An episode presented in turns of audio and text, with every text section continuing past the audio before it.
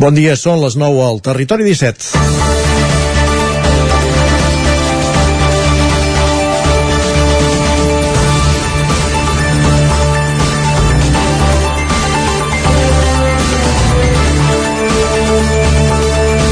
L'Ajuntament de Manlleu vol posar en marxa una aplicació mòbil que permeti a la ciutadania alertar d'incidències i que anirà vinculada a un sistema de bicàmeres de videovigilància.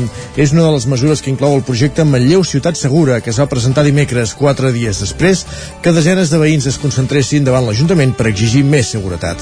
L'alcalde Àlex Garrido admet que és una queixa generalitzada i que des de l'àmbit polític es comparteix en bona part. La seguretat ciutadana és un repte a Manlleu i a molts altres llocs. En aquesta ciutat, entre el gener i el setembre d'aquest any, s'han registrat 564 delictes contra el patrimoni, 70 més que en el mateix període de l'any passat i 116 més que el 2019. Dels 564 delictes d'aquest any, 167 són en habitatges. Al mes vinent hi ha una reunió prevista entre l'equip de govern a Manlleu i la Conselleria d'Interior, en la qual l'alcalde vol tornar a reclamar una comissaria dels Mossos d'Esquadra, ja sigui pròpia o compartida amb la policia local. No és un plantejament nou. De fet, l'any 2010, en un pla director de la Generalitat, es marcaven 5 punts on s'havia de reforçar la presència dels Mossos a Osona, entre els quals es parlava de Manlleu i, per extensió, al nord d'Osona. El tema va quedar aturat, però el 2017 l'Ajuntament tornava a insistir en una comissaria compartida amb la policia local. Perquè tot plegat sigui efectiu, caldria un increment també d'efectius policials, valgui la redundància.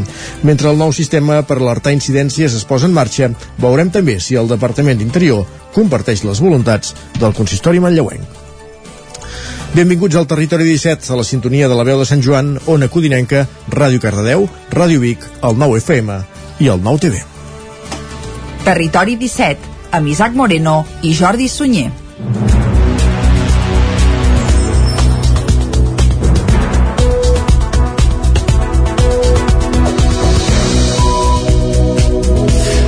Les 9 i 2 minuts d'avui divendres, dia 22 d'octubre de 2021. Comença ara mateix un nou Territori 17 que avui, com sempre, durant la primera hora us acostarà tota l'actualitat de les nostres comarques. Després, a partir de les 10, nou butlletí informatiu, més informació, evidentment amb un encís especial per la informació meteorològica, que ve al cap de setmana i hem de saber quin temps farà.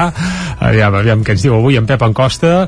A l'entrevista avui parlarem del Festival Internacional de Cinema de Crítica Social Protesta que s'està fent aquests dies a Vic i que es clou demà, dissabte.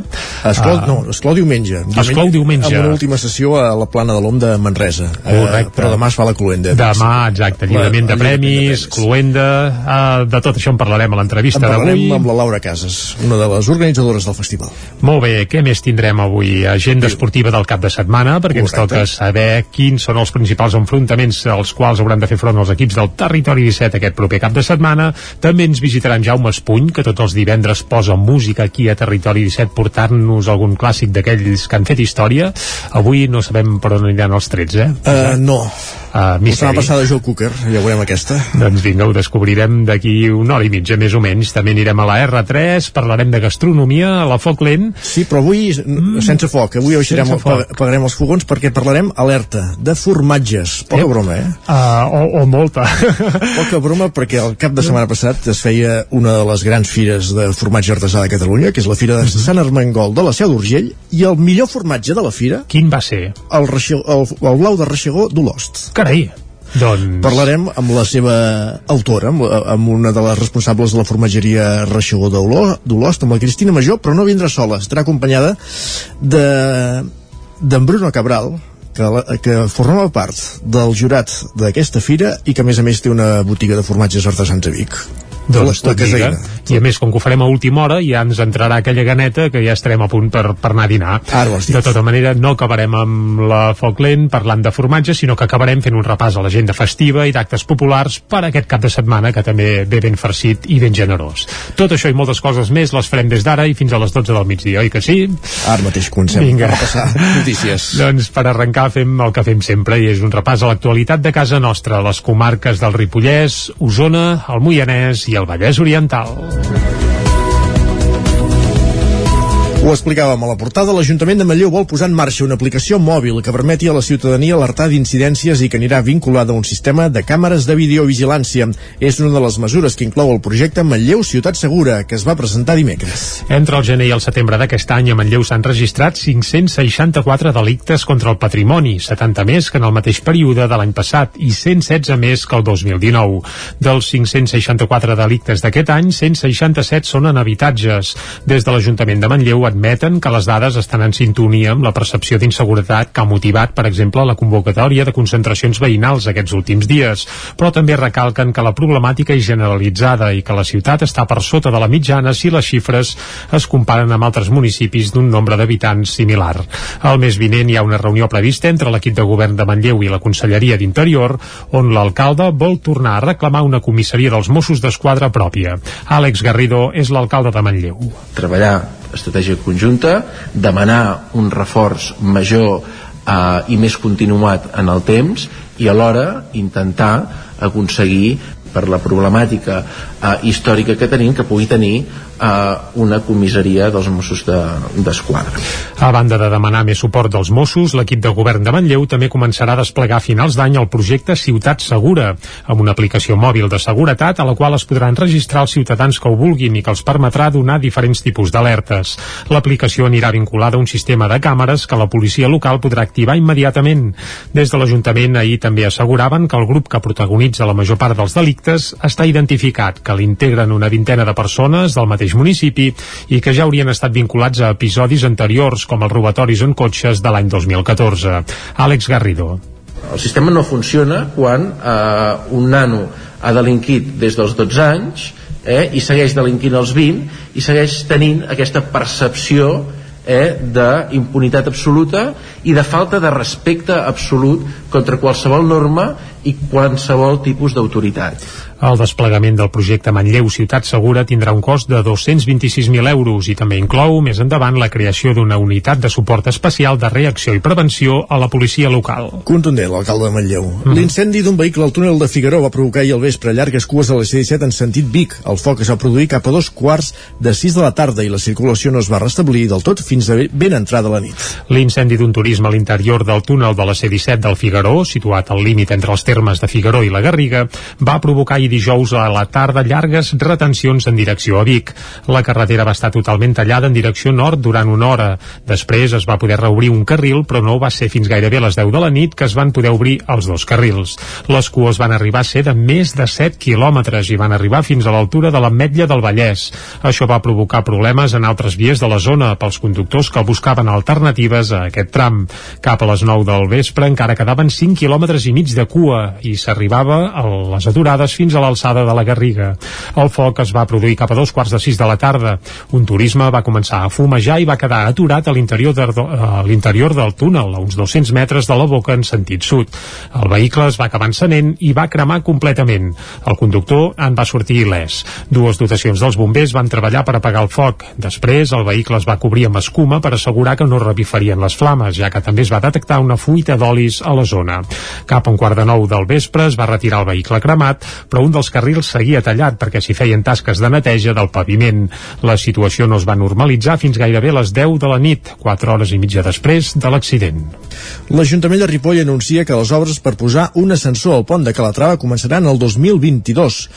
Isaac Muntades, des de la veu de Sant Joan. L'Ajuntament de Ripoll té en marxa dos projectes per tal de millorar la devesa del pla, com són l'adequació del pont de Calatrava perquè hi puguin accedir les persones amb mobilitat reduïda i les obres per enllestir l'aparcament d'autocaravanes de la zona sud de l'espai. Segons explicava l'alcalde de Ripoll, Jordi Bonell, el consistori tenia previst instal·lar una rampa per salvar el desnivell de gairebé 7 metres que existeix entre la banda del riu Ter del barri de la carretera de Barcelona i la de l'estació, que s'hi arriba a peu pla, però l'Agència Catalana de l'Aigua no els hi va permetre fer una passera perquè estaria col·locada col·locada en una zona inundable. Monell va recordar que la visió arquitectònica que es va tenir llavors no era tan sensible com l'actual. Com també tothom coneix, doncs té una mancança des, de, des del seu bon començament, que és la seva accessibilitat. En aquell moment que es va fer, doncs, segurament la sensibilitat doncs, per, per les persones amb dificultats de mobilitat era diferent. La normativa en aquells moments, dels anys 80, no contemplava les solucions arquitectòniques i, per tant, ens va quedar aquí una, una barrera arquitectònica que ha persistit molt temps per les dificultats capacitats eh, tècniques i la inversió necessària per arreglar-ho. Així doncs, l'Ajuntament vol instal·lar-hi un ascensor i es va comprometre que el 2022 comencin les obres perquè sigui una realitat. Per ara ja s'hi ha destinat una partida de 45.000 euros dels pressupostos participatius i esperen obtenir una subvenció de la Diputació de Girona per un import de 70.000 euros per l'any vinent. A més a més, els pressupostos del 2022 també hi volen incorporar una partida destinada a aquest projecte. Pel que fa a l'aparcament per autocaravanes de la zona sud de la Devesa del Pla, que precisament està ubicat entre el pont de Calatrava i el Mercadona, es preveu que a principis de novembre comencin les obres per enllestir aquest espai. Uns treballs que tindran un cost de 90.000 euros, tots provinents de fons propis del pressupost del consistori Ripollès. El pàrquing tindrà una capacitat de 20 places per autocaravanes i per 20 cotxes. Monell subratllava la importància d'aquesta obra pel turisme del municipi. Doncs una nova àrea de parada d'autocaravanes, similar al que ja existeix a Canguetes. L'àrea de parada de caravanes és un lloc on les autocaravanes tenen autorització d'aparcament durant 24 hores, és a dir, per, per, per fer una pernoctació.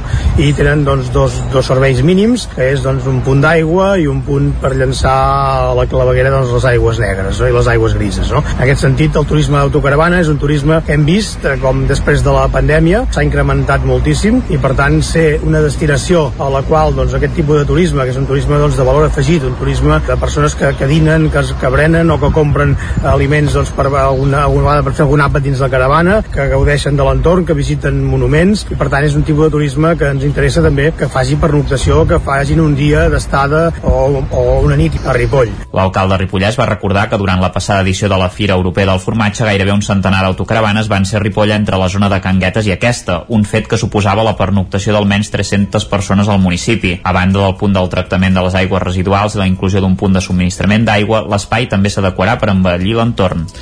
Bolet ben fet presenta els primers bolets comestibles frescos autòctons cultivats a Catalunya. L'empresa de Sant Antoni de Vilamajor treballa en espècies pròpies com el fetge de vaca, el pollancró autòcton, la gírgola de bruc o la sabatera de faig. David Oladell, des de Ràdio Televisió de Cardedeu.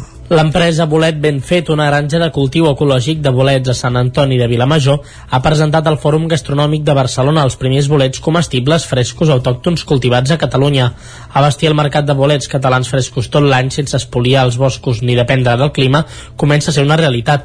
Bolet Ben Feta és la primera en liderar el cultiu de bolets comestibles autòctons després d'una investigació amb certificats de l'IRTA, l'Institut de Recerca i Tecnologia Agroalimentàries de Cabrils i la Universitat de Barcelona. Després de 24 anys conreant bolets com el shiitake i la gírgola de castanyer de manera ecològica i sostenible, ara Bolet Ben Fet ha fet un nou pas endavant. El projecte pilot està subvencionat per la Unió Europea pel Departament d'Acció Climàtica, Alimentació i Agenda Rural de la Generalitat de Catalunya. El programa es va engegar el novembre de 2019 i tot just ara està donant els primers fruits amb resultats molt prometedors. Després de molts assajos s'han obtingut les primeres collites d'alguns bolets encara no cultivats al món com ara el fetge de vaca, el bolet de Noguer i s'ha pogut comprovar com els exemplars de cultiu tenen una textura més agradable que la dels silvestres, segons el director de bolet ben fet, el biòleg Carles Díaz Tarragó. Al fòrum, el cuiner Carlos Sánchez del restaurant L'Avenc de Tabertet ha elaborat un tas amb fetge de vaca, pollancró i bolet de noguer i els assistents han valorat l'aspecte, l'aroma, la textura i el sabor en cru i cuinats.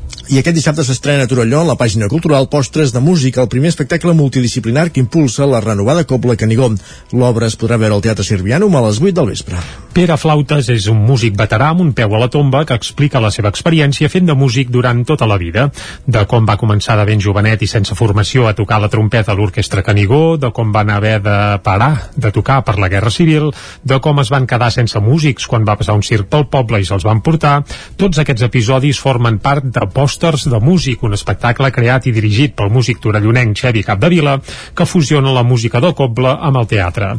Des que es va renovar la Cobla Canigó, ara fa aproximadament un any, Capdevila explica que l'objectiu ja era atrevir-se a fer muntatges com el que estrenaran demà. La idea d'aquesta Canigó és això, de, que sigui una formació amb, amb, amb per fer experiments, per fer mm. propostes que vagin una mica més enllà del que estem acostumats i, mm -hmm. i això és el que diguem-ne motiva una mica a tota la gent que hi som. Per a l'ocasió la Cobla Canigó reforçarà amb bateria el duet Tra, format per Marc Serrats i Laia Pedrol i també amb els tres cantants que protagonitzen l'espectacle Festa Major de la Trinca amb la companyia Loro Pardos. L'obra s'estrenarà demà dissabte a les 8 del vespre al Teatre Sirvianum de Torelló i la intenció de la Canigó és dur-lo a d'altres teatres i auditoris durant tot l'any vinent. Jaume Bou, de Sant Martí de Centelles, va morir finals de 2015 amb 12 anys a causa d'un càncer d'ossos. Aquest diumenge, la cinquena edició de la Caminada dels Guerrers Memorial Jaume Bou el tornarà a recordar. L'església de Vall de Neu serà el punt final dels tres recorreguts que sortiran diumenge a dos quarts de nou del matí de la plaça de la Vella, Sant Martí de Centelles. Hi haurà un recorregut de 5 quilòmetres, un de 8 i el més llarg de 12, que s'enfilarà fins als cingles de Bertí. També s'hi poden fer aportacions sense participar a la caminada. Els pares de Jaume Bou, els, impuls els impulsors de l'activitat, recorden que amb la malaltia el gran lema del seu fill va ser sempre no et rendeixis. Escoltem a Jaume Bou i a Núria Garcia, pares d'en Jaume. Bàsicament ell és el que ens tirava del carro, no? Nosaltres, pues, estàvem a l'expectativa, ja com aniria tot plegat i tot això, però ell és el que ens deia s'ha de tirar endavant i amb molta força i bueno, doncs nosaltres no l'acompanyàvem bàsicament nosaltres anàvem a darrere d'ell ell és el que deia fem això, fem allò és el que tenia tota la força. Tenim l'opció de venir a caminar o si no pots venir a caminar i vols col·laborar també amb, amb l'enllaç aquest pots fer dorsal zero o també tenim oberta la plataforma de Para los Valientes de l'Hospital Sant Joan de Déu Memorial Jaume Bou tenim una campanya oberta on pots fer la teva aportació de la quantitat que tu vulguis. Tota la recaptació es destinarà al Laboratori de Recerca contra el Càncer Infantil de l'Hospital Sant Joan de Déu, en concret a la línia d'investigació de l'osteosarcoma, afectació que va patir Jaume Bou.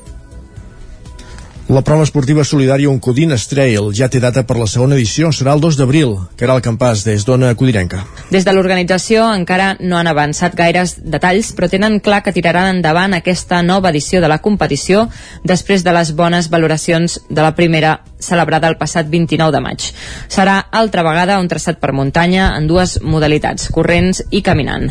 Els quilòmetres de la cursa s'han ampliat passant de 75 a 80. El seu objectiu és arribar als 150 equips d'entre 3 i 6 persones i els integrants es podran anar rellevant però sempre n'hi haurà d'haver 3 al recorregut. Cada equip té l'objectiu de recaptar un mínim de 600 euros per la Fundació Oncovallès i la Barcelona Brain Health Initiative i un altre projecte solidari a escollir. Els equips participants a l'edició anterior tenen un termini preferent d'inscripció per assegurar-se la plaça i l'obertura d'inscripcions generals es farà a partir del mes vinent. Tant aquest període per apuntar-se com les novetats s'anunciaran aviat a través de les seves xarxes socials. Gràcies, Caral. Acabem aquí aquest relat informatiu que han fet també en companyia de David Oladell, Isaac Montades i Jordi Sunyer.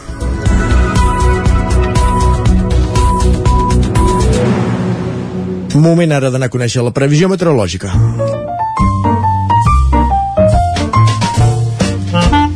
Casa Terradellos us ofereix el temps. La previsió que a les portes del cap de setmana sempre és més interessant que mai i hem de saber quin temps ens espera. Pep Acosta, bon dia.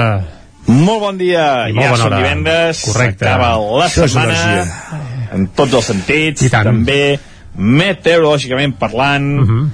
i què podem dir d'aquesta setmana? Ha estat una setmana Fatal. molt suau de temperatures fins al dia d'ahir, molts pocs canvis també fins al dia d'ahir, i ahir una petita pertorbació que ens va afectar. Uh, va anar una mica al Pirineu, va ploure una mica cap al peritoral, entre 0 i 5 litres, jo m'esperava una tormenta, una tempesta més important, però tampoc es va produir, bueno, ja estic acostumat, eh, que allò que diuen que els plans no surtin bé, doncs ja estic bastant acostumat ja no només amb el temps, per tant, cap problema, cap novetat.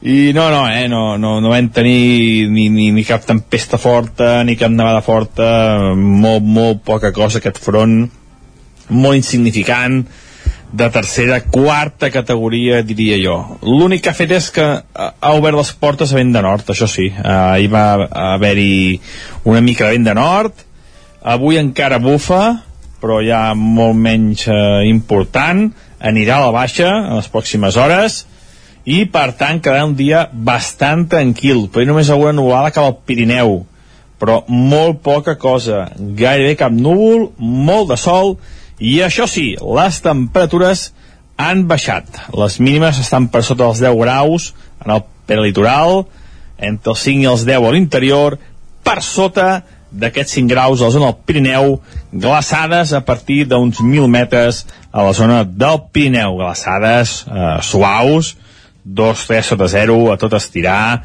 no fa fred de nit encara, una mica més, però molt poc, eh? Això pel que fa avui, ha quedat clar? Doncs avui això, eh? Uh, molta... Uh, se'n va aquest front, uh, molta tranquil·litat, molt de sol, i les màximes que tampoc pujaran gaire, perdó, deixava les màximes no pujaran molt, com a molt entre els 16 i els 20 graus a tot estirar. Per tant, és aquells dies que el sol s'hi està bé, però la que te'n vas una mica, a la que el sol no, no, no, no et cau a sobre, tens bastant de fred. És aquells dies típics també d'encostipats. Per tant, vigileu que no feu algun encostipat. I el cap de setmana serà gairebé calcat, gairebé calcat el dia d'avui. Les temperatures mínimes fins i tot baixaran una mica més, hi haurà més aire fred, baixaran més les temperatures mínimes, uh, per sota dels 5 graus al Pirineu, entre els 5 i els 10 a la resta de les nostres poblacions. Molt de sol, alguna petita nuvolada cap al Pirineu tot inofensiva, que en cap cas provocarà cap precipitació, i les màximes entre els 16 i els 20 graus a tot estirar. No crec que superem aquests 20 graus gairebé a cap població de les nostres comarques. Però un cap de setmana bastant tranquil, es poden fer totes les activitats que vulgueu, eh, el vent en calmarà, farà sol, i com deia, igual que avui, mm, el sol, quan us toqui, si estarà molt bé, a la que eh, marxeu de, de l'acció del sol, farà una mica de fresca. Però bueno, mm, com deia, un cop de setmana molt tranquil, gens de precipitació i una mica de fred a la nit. Això serà més destacable. Moltes gràcies i que passeu un gran cap de setmana. Igualment, Bailet. Vagi molt bé, Pep. Ara anem cap al quiosc. Va. va. Casa Tarradellas us ha ofert aquest espai.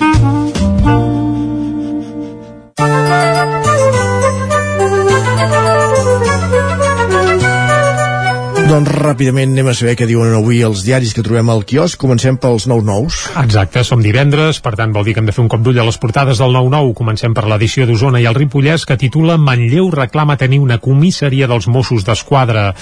El subtítol, arran dels últims casos d'ordre públic, instal·laran videovigilància intel·ligent als carrers. Això a Manlleu. La fotografia és per l'Alba Rovira i la Patricia Rubio, que lluiten contra el càncer. La veritat és que el seu testimoni és espectacular. Ahir el vam recollir, per cert, també Correcte, aquí a sí, sí. Territori 17.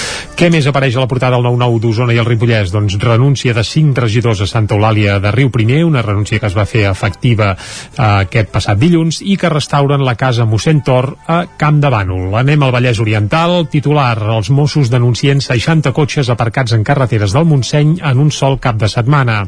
El Parc Natural tallarà els accessos al massís quan els pàrquings estiguin plens. Això titula el 9-9 del Vallès Oriental. La fotografia és per una sala espectacular, ja ho diu, una espera més agradable, i és que l'Hospital de Granollers estrena un nou espai acollidor pels pacients d'oncologia.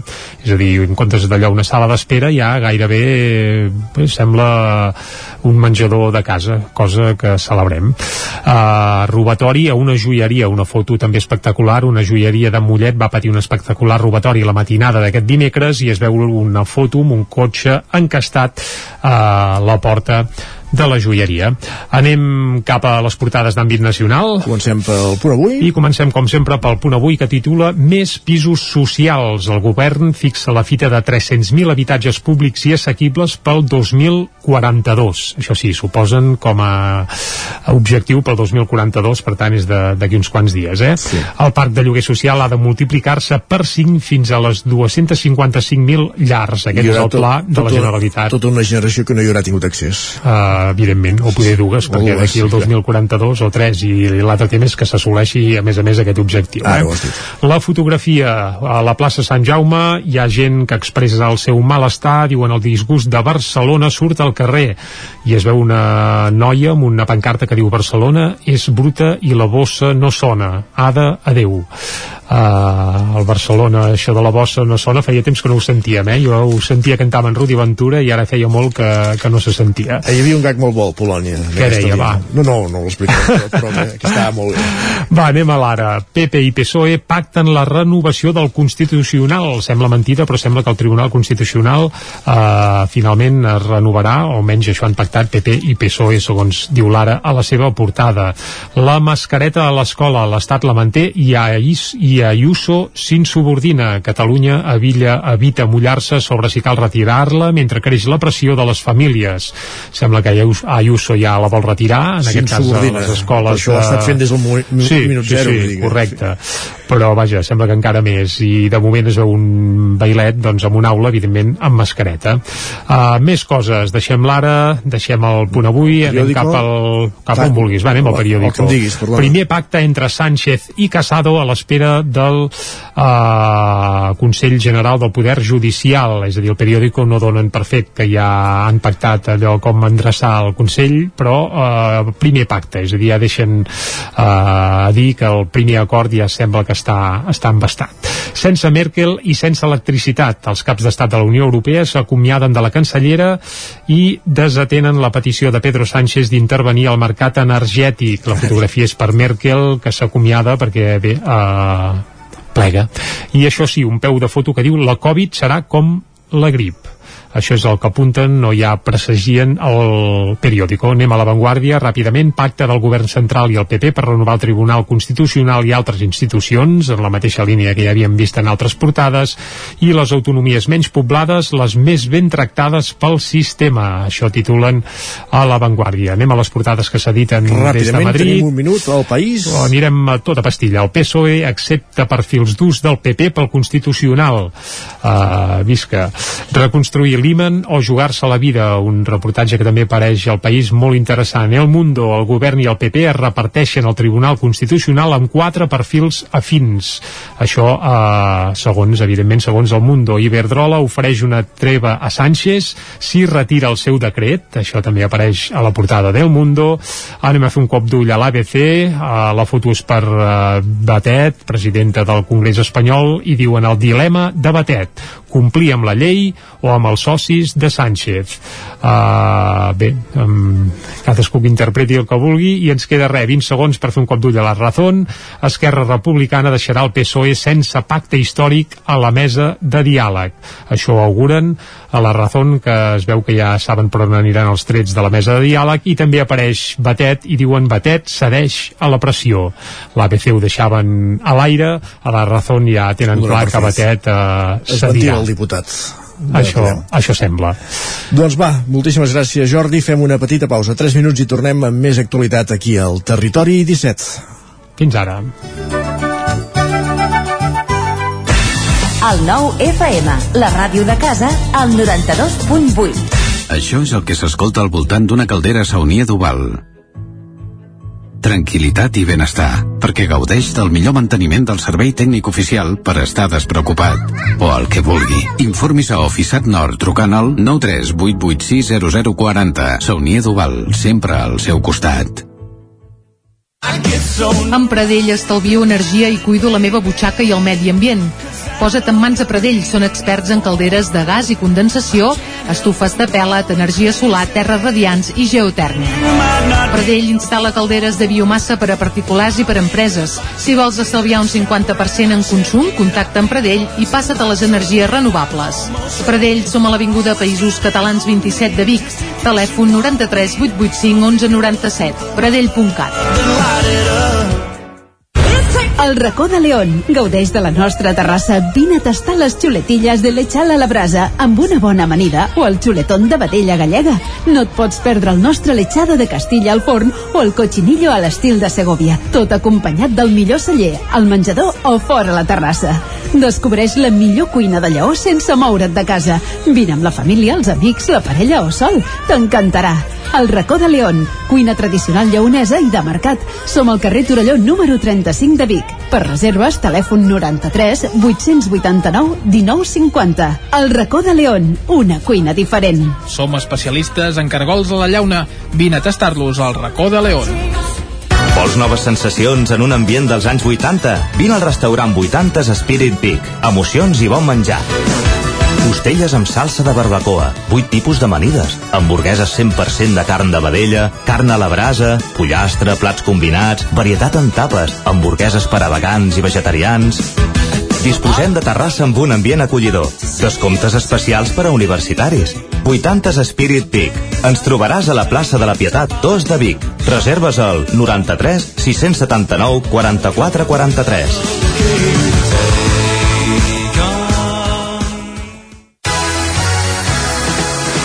Ja tens la teva disfressa de Halloween? A Manli tenim les més terrorífiques. Vine a buscar caretes i tots els complements que et calguin per passar una nit de por. Ens trobareu al carrer de Ramon Soler número 1 de Vic i també a manli.cat. A Manli fem de la festa una bogeria. Anuncia't al 9FM. La màquina de casa. 9 3 8 8 9 4 9 4 9. Publicitat arroba al 9FM.cat. Anuncia't al 9FM. La publicitat més eficaç. El 9 FM, el 9 FM, el 9 FM, el 9 FM. En punt, dos quarts de deu. Territori 17, amb Isaac Moreno i Jordi Sunyer.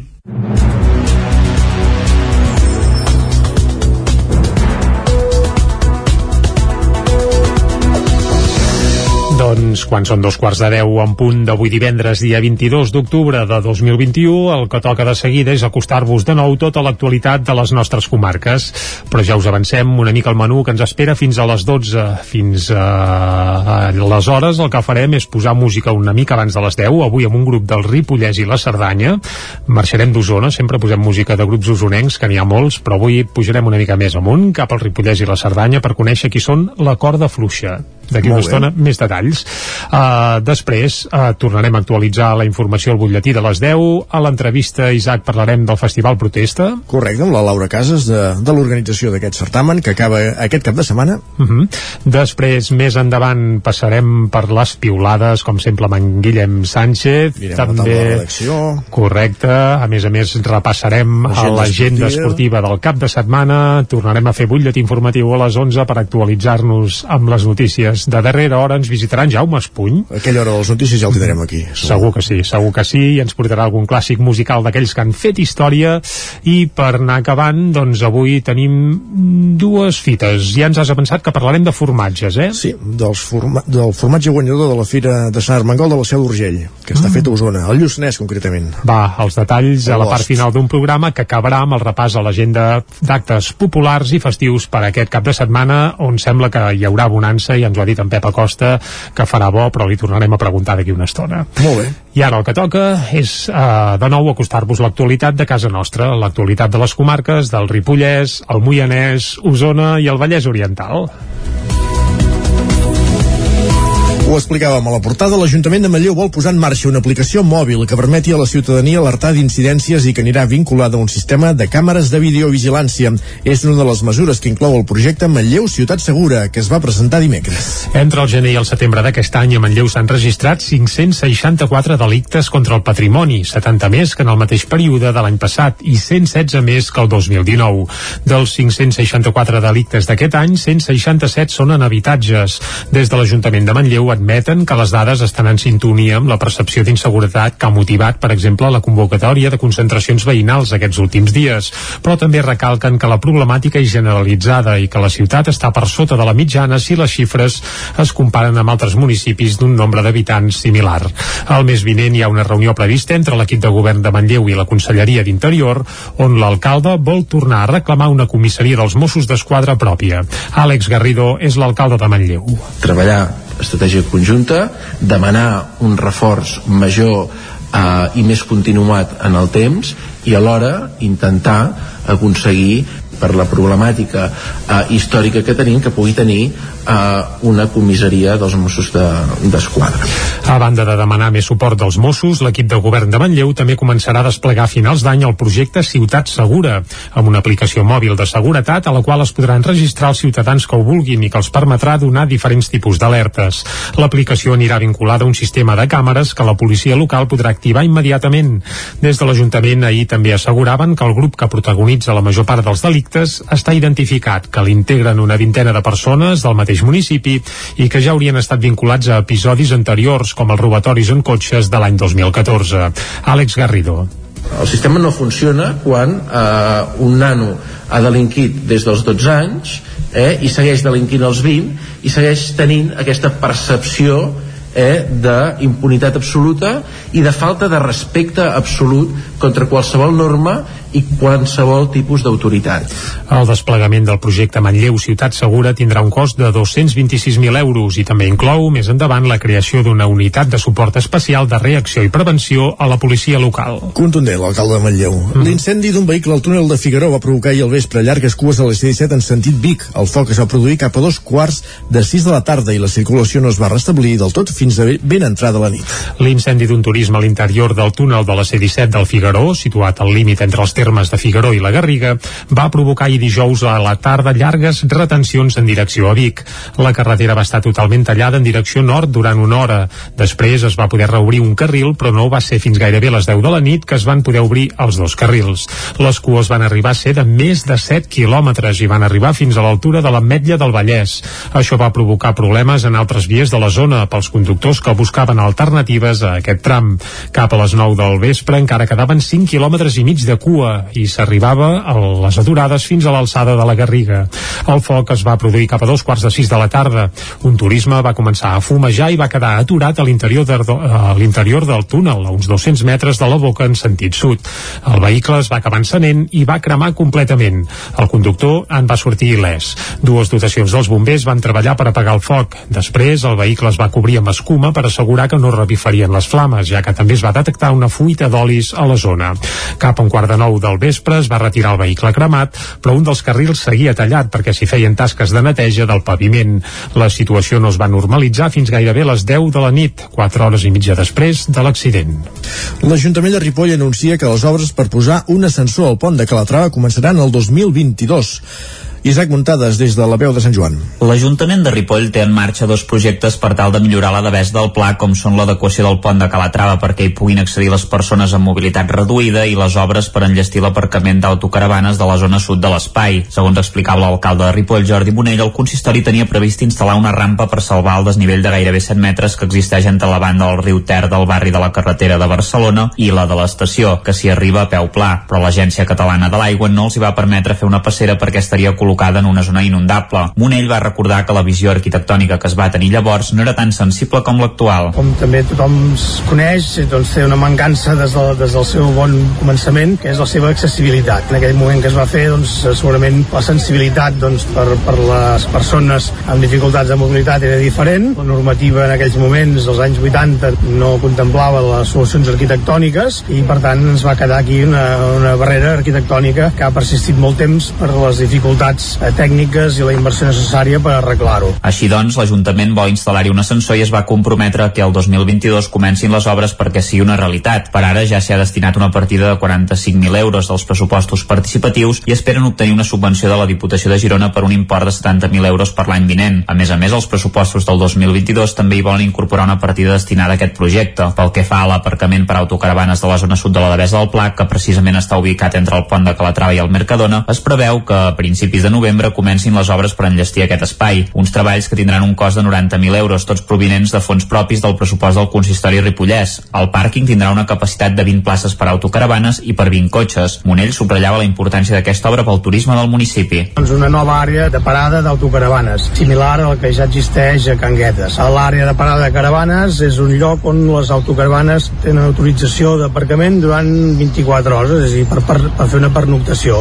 I tenen doncs, dos, dos serveis mínims, que és doncs, un punt d'aigua i un punt per llançar a la claveguera doncs, les aigües negres no? i les aigües grises. No? En aquest sentit, el turisme d'autocaravana és un turisme que hem vist eh, com després de la pandèmia s'ha incrementat moltíssim i per tant ser una destinació a la qual doncs, aquest tipus de turisme, que és un turisme doncs, de valor afegit, un turisme de persones que, que dinen, que, que brenen o que compren aliments doncs, per, alguna, alguna vegada per fer algun àpat dins la caravana, que gaudeixen de l'entorn, que visiten monuments i per tant és un tipus de turisme que ens interessa també que faci pernoctació informació que facin un dia d'estada o, o una nit a Ripoll. L'alcalde Ripollès va recordar que durant la passada edició de la Fira Europea del Formatge gairebé un centenar d'autocaravanes van ser a Ripoll entre la zona de Canguetes i aquesta, un fet que suposava la pernoctació d'almenys 300 persones al municipi. A banda del punt del tractament de les aigües residuals i la inclusió d'un punt de subministrament d'aigua, l'espai també s'adequarà per embellir l'entorn.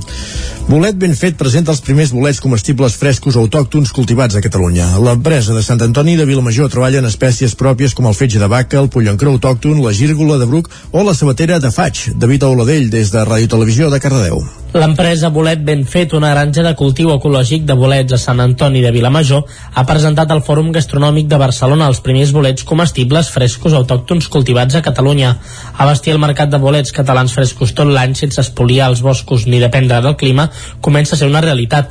Bolet Ben Fet és la primera en liderar el cultiu de bolets comestibles autòctons després d'una investigació amb certificats de l'IRTA, l'Institut de Recerca i Tecnologia Agroalimentàries de Cabrils i la Universitat de Barcelona. Després de 24 anys conreant bolets com el xitaque i la gírgola de castanyer de manera ecològica i sostenible, ara Bolet Ben Fet ha fet un nou pas endavant. El projecte pilot està subvencionat per la Unió Europea pel Departament d'Acció Climàtica, Alimentació i Agenda Rural de la Generalitat de Catalunya. El programa es va engegar el novembre de 2019 i tot just ara està donant els primers fruits amb resultats molt prometedors. Després de molts assajos s'han obtingut les primeres collites d'alguns bolets encara no cultivats al món com ara el fetge de vaca, el bolet de Noguer i s'ha pogut comprovar com els exemplars de cultiu tenen una textura més agradable que la dels silvestres, segons el director de bolet ben fet, el biòleg Carles Díaz Tarragó. Al fòrum, el cuiner Carlos Sánchez del restaurant L'Avenc de Tabertet ha elaborat un tas amb fetge de vaca, pollancró i bolet de noguer i els assistents han valorat l'aspecte, l'aroma, la textura i el sabor, en cru i cuinats. I aquest dissabte s'estrena a Torelló, a la pàgina cultural Postres de Música, el primer espectacle multidisciplinar que impulsa la renovada Cobla Canigó. L'obra es podrà veure al Teatre Sirvianum a les 8 del vespre. Pere Flautes és un músic veterà amb un peu a la tomba que explica la seva experiència fent de músic durant tota la vida, de com va començar de ben jovenet i sense formació a tocar la trompeta a l'orquestra Canigó, de com van haver de parar de tocar per la Guerra Civil, de com es van quedar sense músics quan va passar un circ pel poble i se'ls van portar. Tots aquests episodis formen part de Pòsters de Músic, un espectacle creat i dirigit pel músic torellonenc Xevi Capdevila, que fusiona la música del coble amb el teatre. Des que es va renovar la Cobla Canigó, ara fa aproximadament un any, Capdevila explica que l'objectiu ja era atrevir-se a fer muntatges com el que estrenaran demà. La idea de- d'aquesta Canigó és això, de, que sigui una formació amb, amb, amb, per fer experiments, per fer propostes que vagin una mica més enllà del que estem acostumats i, i això és el que, diguem-ne, motiva una mica a tota la gent que som. Per a l'ocasió, la Cobla Canigó reforçarà amb bateria el duet Tra, format per Marc Serrats i Laia Pedrol, i també amb els tres cantants que protagonitzen l'espectacle Festa Major de la Trinca amb la companyia Loro Pardos. L'obra s'estrenarà demà dissabte a les 8 del vespre al Teatre Sirvianum de Torelló i la intenció de la Canigó és dur-lo a d'altres teatres i auditoris durant tot l'any vinent. Jaume Bou de Sant Martí de Centelles va morir finals de 2015 amb 12 anys a causa d'un càncer d'ossos. Aquest diumenge, la cinquena edició de la Caminada dels Guerrers Memorial Jaume Bou el tornarà a recordar. L'església de Vall de Neu serà el punt final dels tres recorreguts que sortiran diumenge a dos quarts de nou del matí de la plaça de la Vella, Sant Martí de Centelles. Hi haurà un recorregut de 5 quilòmetres, un de 8 i el més llarg de 12, que s'enfilarà fins als cingles de Bertí. També s'hi poden fer aportacions sense participar a la caminada. Els pares de Jaume Bou, els, els impulsors de l'activitat, recorden que amb la malaltia el gran lema del seu fill va ser sempre no et rendeixis. Escoltem a Jaume Bou i a Núria Garcia, pares d'en Jaume. bàsicament ell és el que ens tirava del carro no? nosaltres pues, estàvem a l'expectativa ja en com aniria tot plegat i tot això però ell és el que ens deia s'ha de tirar endavant i amb molta força i bueno, pues nosaltres no l'acompanyàvem bàsicament nosaltres anàvem a darrere d'ell ell és el que deia fem això, fem allò és el que tenia tota la força. Tenim l'opció de venir a caminar o si no pots venir a caminar i vols col·laborar també amb, amb l'enllaç aquest pots fer dorsal zero o també tenim oberta la plataforma de Para los Valientes de l'Hospital Sant Joan de Déu Memorial Jaume Bou tenim una campanya oberta on pots fer tu la teva aportació de la quantitat que tu vulguis Tota la recaptació es destinarà al Laboratori de Recerca contra el Càncer Infantil de l'Hospital Sant Joan de Déu, en concret a la línia d'investigació de l'osteosarcoma, afectació que va patir Jaume Bou. La prova esportiva solidària Uncodines Trail ja té data per la segona edició, serà el 2 d'abril. Caral Campàs, des d'Ona Codirenca. Des de l'organització encara no han avançat gaires detalls, però tenen clar que tiraran endavant aquesta nova edició de la competició després de les bones valoracions de la primera celebrada el passat 29 de maig. Serà altra vegada un traçat per muntanya en dues modalitats, corrents i caminant. Els quilòmetres de la cursa s'han ampliat passant de 75 a 80. El seu objectiu és arribar als 150 equips d'entre 3 i 6 persones i els integrants es podran anar rellevant però sempre n'hi haurà d'haver 3 al recorregut. Cada equip té l'objectiu de recaptar un mínim de 600 euros per la Fundació Oncovallès i la Barcelona Brain Health Initiative i un altre projecte solidari a escollir. Els equips participants a l'edició anterior tenen un termini preferent d'inscripció per assegurar-se la plaça i l'obertura d'inscripcions generals es farà a partir del mes vinent. Tant aquest període per apuntar-se com les novetats s'anunciaran aviat a través de les seves xarxes socials. Gràcies, Caral. Acabem aquí aquest relat informatiu que ha fet també en companyia de David Oladell, Isaac Montades i Jordi Sunyer.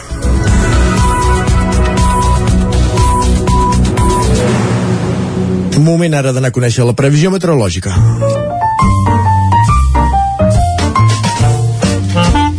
Casa Terradellos us ofereix el temps. La previsió que les portes del cap de setmana sempre és més interessant que mai i hem de saber quin temps ens espera. Pep Acosta, bon dia. Molt bon dia, I molt ja bona hora. divendres, Correcte. acaba la Això setmana, en tots els sentits, també meteorològicament parlant, Mhm. i què podem dir d'aquesta setmana? Ha estat una setmana Fatal. molt suau de temperatures fins al dia d'ahir, molts pocs canvis també fins al dia d'ahir, i ahir una petita pertorbació que ens va afectar. Uh, va anar una mica al Pirineu, va ploure una mica cap al peritoral, entre 0 i 5 litres, jo m'esperava una tormenta, una tempesta més important, però tampoc es va produir, bueno, ja estic acostumat, eh, que allò que diuen que els plans no surtin bé, doncs ja estic bastant acostumat ja no només amb el temps, per tant, cap problema, cap novetat. I no, no, eh, no, no, no vam tenir ni, ni, ni cap tempesta forta, ni cap nevada forta, molt, molt poca cosa aquest front, molt insignificant, de tercera, quarta categoria, diria jo. L'únic que ha fet és que ha obert les portes a vent de nord, això sí. Uh, hi va haver-hi una mica vent de nord, avui encara bufa, però ja molt menys uh, important, anirà a la baixa en les pròximes hores, i per tant quedarà un dia bastant tranquil, però només alguna nuvolada cap al Pirineu, però molt poca cosa, gairebé cap núvol, molt de sol, i això sí, les temperatures han baixat. Les mínimes estan per sota dels 10 graus en el peritoral, entre els 5 i els 10 a l'interior, per sota d'aquests 5 graus a la zona del Pirineu, glaçades a partir d'uns 1.000 metres a la zona del Pirineu, glaçades eh, suaus, 2, 3 sota 0 a tot estirar, no fa fred de nit encara, una mica més, però molt poc, eh? Això pel que fa avui, ha quedat clar? Doncs avui això, eh? Uh, molta...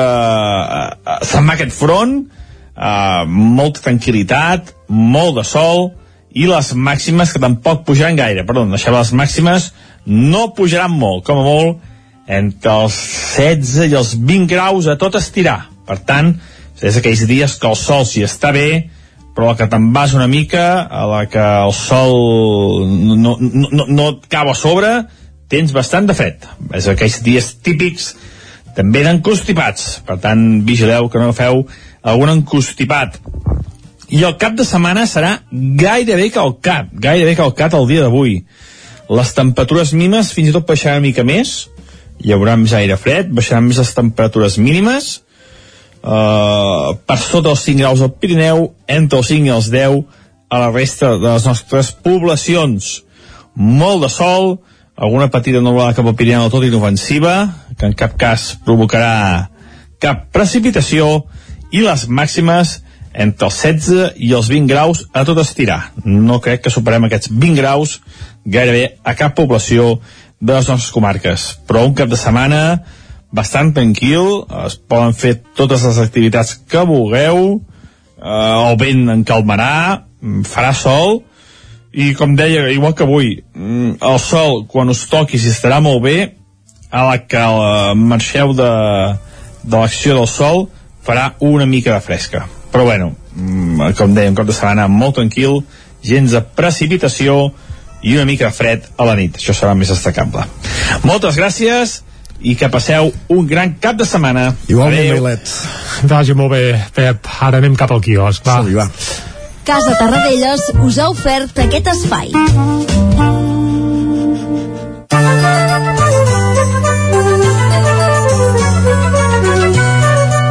Doncs ràpidament anem a saber què diuen avui els diaris que trobem al quiosc. Comencem pels nou nous. Exacte, som divendres, per tant vol dir que hem de fer un cop d'ull a les portades del 9-9. Comencem per l'edició d'Osona i el Ripollès que titula Manlleu reclama tenir una comissaria dels Mossos d'Esquadra. El subtítol, arran dels últims casos d'ordre públic, instal·laran videovigilància intel·ligent als carrers. Això a Manlleu. La fotografia és per l'Alba Rovira i la Patricia Rubio, que lluiten contra el càncer. La veritat és que el seu testimoni és espectacular. Ahir el vam recollir, per cert, també Correcte, aquí a sí, sí. Territori 17. Què més apareix a la portada del 9-9 d'Osona i el Ripollès? Doncs renúncia de cinc regidors a Santa Eulàlia de Riu Primer, una renúncia que es va fer efectiva eh, aquest passat dilluns i que restauren la casa mossèn Tor a Camp de Bànol. Anem al Vallès Oriental, titular, els Mossos denuncien 60 cotxes aparcats en carreteres del Montseny en un sol cap de setmana. El Parc Natural tallarà els accessos al massís quan els pàrquings estiguin plens. Això titula el 9-9 del Vallès Oriental. La fotografia és per una sala espectacular, ja ho diu, una espera més agradable, i és que l'Hospital de Granollers estrena un nou espai acollidor pels pacients d'oncologia. És a dir, en comptes d'allò una sala d'espera, ja gairebé eh, sembla un menjador de casa, cosa que celebrem. Uh, robatori a una joieria, una foto també espectacular, una joieria de Mollet va patir un espectacular robatori la matinada d'aquest dimecres i es veu una foto amb un cotxe encastat a la porta de la joieria. Anem cap a les portades d'àmbit nacional. Comencem pel punt avui. I comencem, com sempre, pel punt avui que titula Més pisos socials. El govern fixa la fita de 300.000 habitatges públics i assequibles pel 2042. Això sí, suposen com a, objectiu pel 2042, per tant és de- d'aquí uns quants dies. Eh? Sí. El parc de lloguer social ha de multiplicar-se per 5 fins a les 255.000 llars. Aquest és el pla tot- de la Generalitat. Tota una generació que no hi haurà tingut accés. Uh, evidentment, o poder dues, perquè d'aquí el sí, 2042 o 3 i l'altre tema és que s'assoleixi a més a més aquest objectiu. Ah, eh? La fotografia a la plaça Sant Jaume hi ha gent que expressa el seu malestar, diuen el disgust de Barcelona surt al carrer i es veu una noia amb una pancarta que diu Barcelona és bruta i la bossa no sona. Ada, adeu. Uh, el Barcelona, això de la bossa no sona, feia temps que no ho sentíem, eh? Jo ho sentia cantar amb en Rudi Ventura i ara feia molt que, que no se sentia. Hi havia un gag molt bo, Polònia. Què deia, va? No, no, no l'explico, però que, que estava molt bé. Va, anem a l'ara. PP i PSOE pacten la renovació del Constitucional. Sembla mentida, però sembla que el Tribunal Constitucional eh, finalment es renovarà, o almenys això han pactat PP i PSOE, segons diu l'ara a la seva portada. La mascareta a l'escola, l'Estat la manté i a, Is, i a Ayuso s'insubordina. Catalunya evilla, evita mullar-se sobre si cal retirar-la mentre creix la pressió de les famílies. Sembla que Ayuso, Ayuso ja la vol retirar, en aquest cas a les escoles Això ho ha de- estat fent des del moment- sí, minut sí, zero, sí, digues. correcte. Però vaja, sembla que encara més. I de moment és un bailet doncs amb una aula, evidentment, amb mascareta. Uh, més coses, deixem l'ara deixem el punt avui anem Periódico. cap al cap on vulguis, va, anem al periòdico diguis, primer pacte entre Sánchez i Casado a l'espera del uh, Consell General del Poder Judicial. És a dir, el periòdico no donen per fet que ja han pactat allò com endreçar el Consell però uh, primer pacte, és a dir, ja deixen uh, dir que el primer acord ja sembla que està, està embastat sense Merkel i sense electricitat els caps d'estat de la Unió Europea s'acomiaden de la cancellera i desatenen la petició de Pedro Sánchez d'intervenir al mercat energètic. La fotografia és per Merkel que s'acomiada perquè bé, uh, plega i això sí, un peu de foto que diu la Covid serà com la grip això és el que apunten, no ja presagien el periòdico. Anem a l'avantguàrdia ràpidament, pacte del govern central i el PP per renovar el Tribunal Constitucional i altres institucions, en la mateixa línia que ja havíem vist en altres portades, i les autonomies menys poblades, les més ben tractades pel sistema. Això titulen a l'avantguàrdia. Anem a les portades que s'editen des de Madrid. tenim un minut al país. Però anirem a tota pastilla. El PSOE accepta perfils d'ús del PP pel Constitucional. Uh, visca.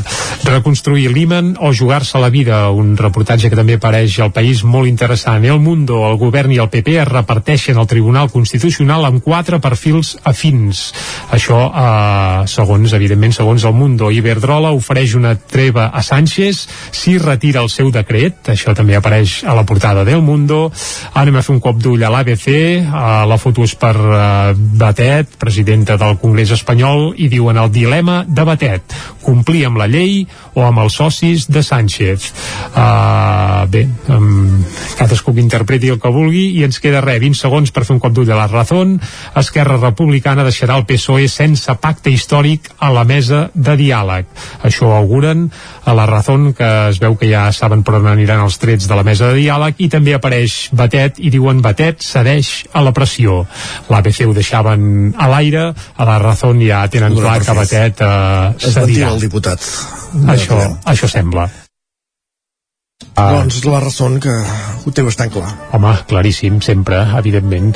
Uh, nosaltres Posem-hi també, música. sí, anava a dir, nosaltres tam- també ho tenim clar i el que tenim clar és que ara toca música i hem avançat abans que avui portarem música d'un grup que no és d'Osona, eh? Uh, ja sé que escombrem sempre molt cap a la comarca d'Osona, però també cal dir que de tot el territori 17, bé, i segurament de tots els països catalans, un dels indrets on es couen més projectes i més novetats, doncs segurament és la comarca d'Osona. No sí, en sí. va, uh, té aquell... Uh, aquell epígraf. Fama del Liverpool català. Però avui anem cap al Ripollès i també a la Cerdanya. Hi ha uns quants músics que són de Sant Joan de les Abadesses i uns quants de la Cerdanya, eh, de la formació La Corda Fluixa. Tot i que els que són de Sant Joan provenen de la Cerdanya, em sembla. Sí. Si no tinc mal entès. Bé, sí, bà- bàsicament és un grup de la Cerdanya, però amb alguns elements de Sant Joan de les Abadesses. És que escombrem també cap al territori 17. D'acord, per tant, eh, sí, sí. Si els hi dius, ei, corda fluixa, d'on sou? Et diran de la Cerdanya, però grates, i resulta que Hi ha algun que hi ha Sant molts Joan. lligams amb Sant Joan de les Abadesses, per això nosaltres els fem una mica nostres en aquest sentit. I el que escoltarem és el primer senzill del primer disc que traurà la corda fluixa. El primer disc el trauran el dia 5 de novembre, es titularà Mirant endins, i el senzill que avançarem avui d'aquest primer disc es titula No passa res. Què fan la corda fluixa? Doncs són un grup així de pop rock amb rampells de folk, és a dir que eh, bé, la veritat és que és, és prou interessant uh, i si et sembla el que hem de fer doncs és escoltar-los no sense abans dir que aquest primer senzill doncs el podreu escoltar a totes les xarxes doncs des de demà mateix i Estem fent un recordar avançament, estàs dient. Sí, sí, sí, sí, Eh, com fem altres vegades aquí a Territori 17. I el disc, doncs, el podreu fitxar físicament i també a través de les plataformes habituals, doncs, com bé dèiem, a partir del 5 de novembre. Això sí, fitxar-lo físicament avui dia costa molt, perquè de botigues, recordem que de discos al Territori 17 ja no en queda cap, però segur que algun raconet del Ripollès el disc es vendrà i, evidentment, els si no, concerts, de la concerts, corda fluixa, sí, sí. doncs també es podrà adquirir el, el seu primer disc, un primer disc que es titularà, recordem-ho, Mirant endins. Ens garanteixes que tot i tenir la corda fluixa afinen, eh? Sí, si més no, a l'hora de- d'enregistrar el disc eh, no sonen pas malament. Pop rock amb pinzellades de folk, no passa res, és el seu primer single. Escoltem-lo. No sempre em fa content, però és el que em fa ballar. La partida és una vida més. Si la jugo conscient, res em pot fer amoïnar. Voldria dir-te que la mort no és cap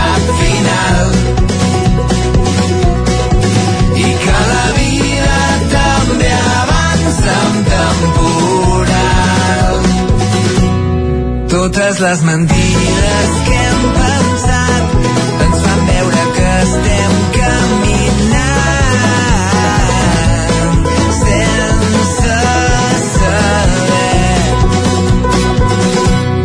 passa res.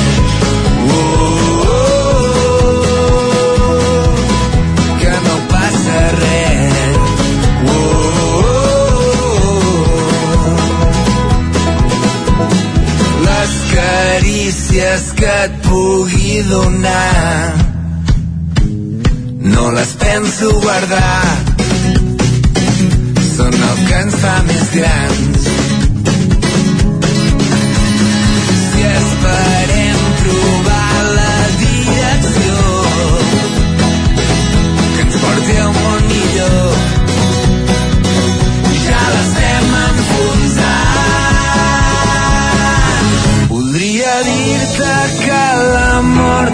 cap final.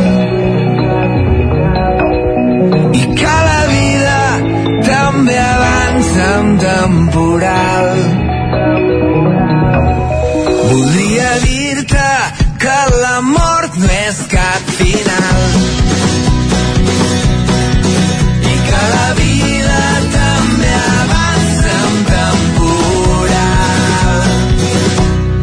Totes les mentides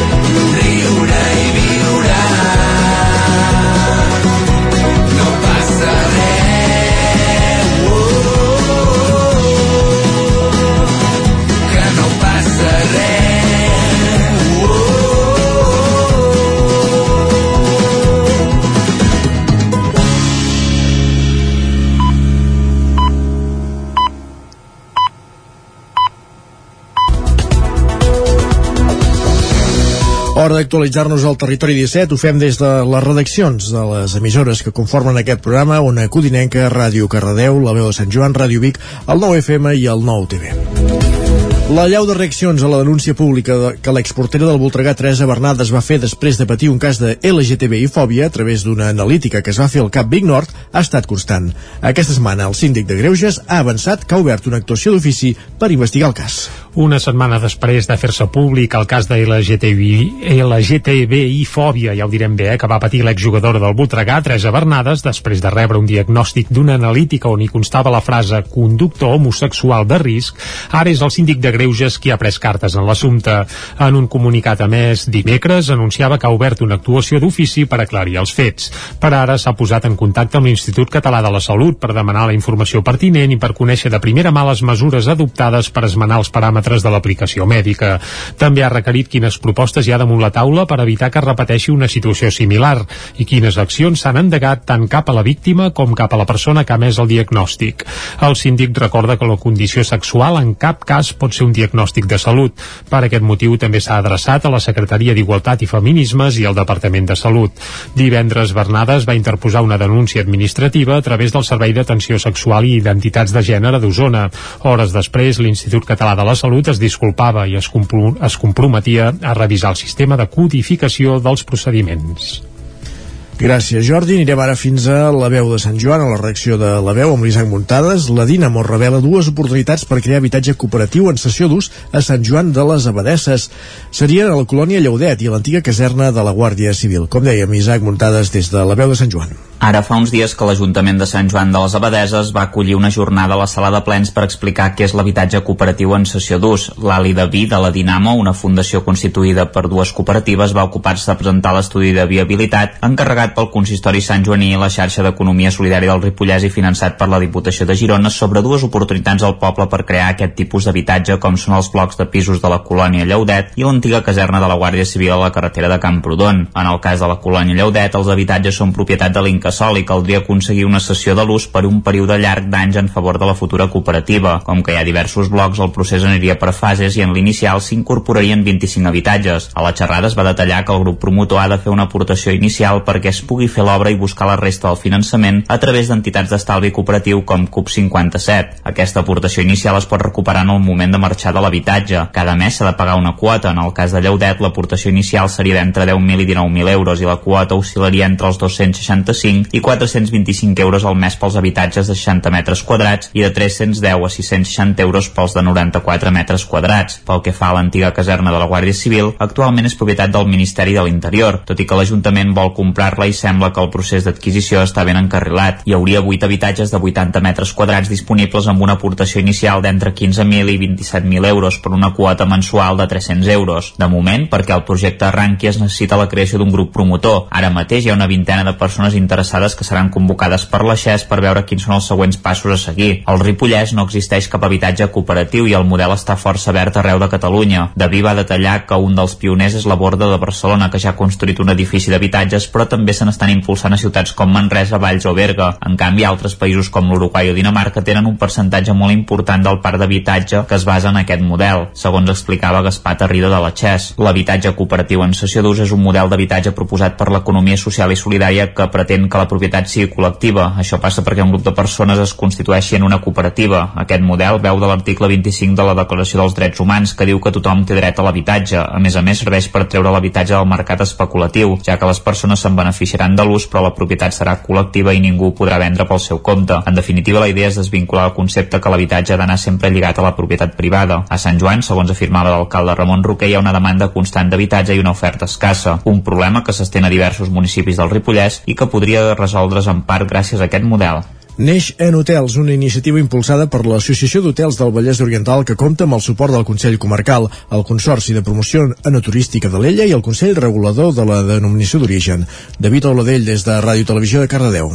En hotels és una iniciativa que consisteix en fer un tas de 5 vins de denominació d'origen a l'ella maridats amb productes de proximitat en 5 hotels del Vallès Oriental. L'objectiu, promocionar hotels i restaurants a través de la cultura vitivinícola. Sílvia Brunet, de l'Associació d'Hotels del Vallès Oriental. El que volíem els hotels és, és acostar-nos més en, el, en la ciutadania, a tots vosaltres, a, tots, a, a, a tot el poble perquè eh, es parla molt ara últimament proximitat, producte de proximitat eh, turisme de proximitat nosaltres també som proximitat Es tracta d'una iniciativa impulsada per l'Associació d'Hotels del Vallès Oriental amb el suport del Consell Comarcal i el Consorci de Promoció No Turística del Territori d'EO Alella i el Consell Regulador.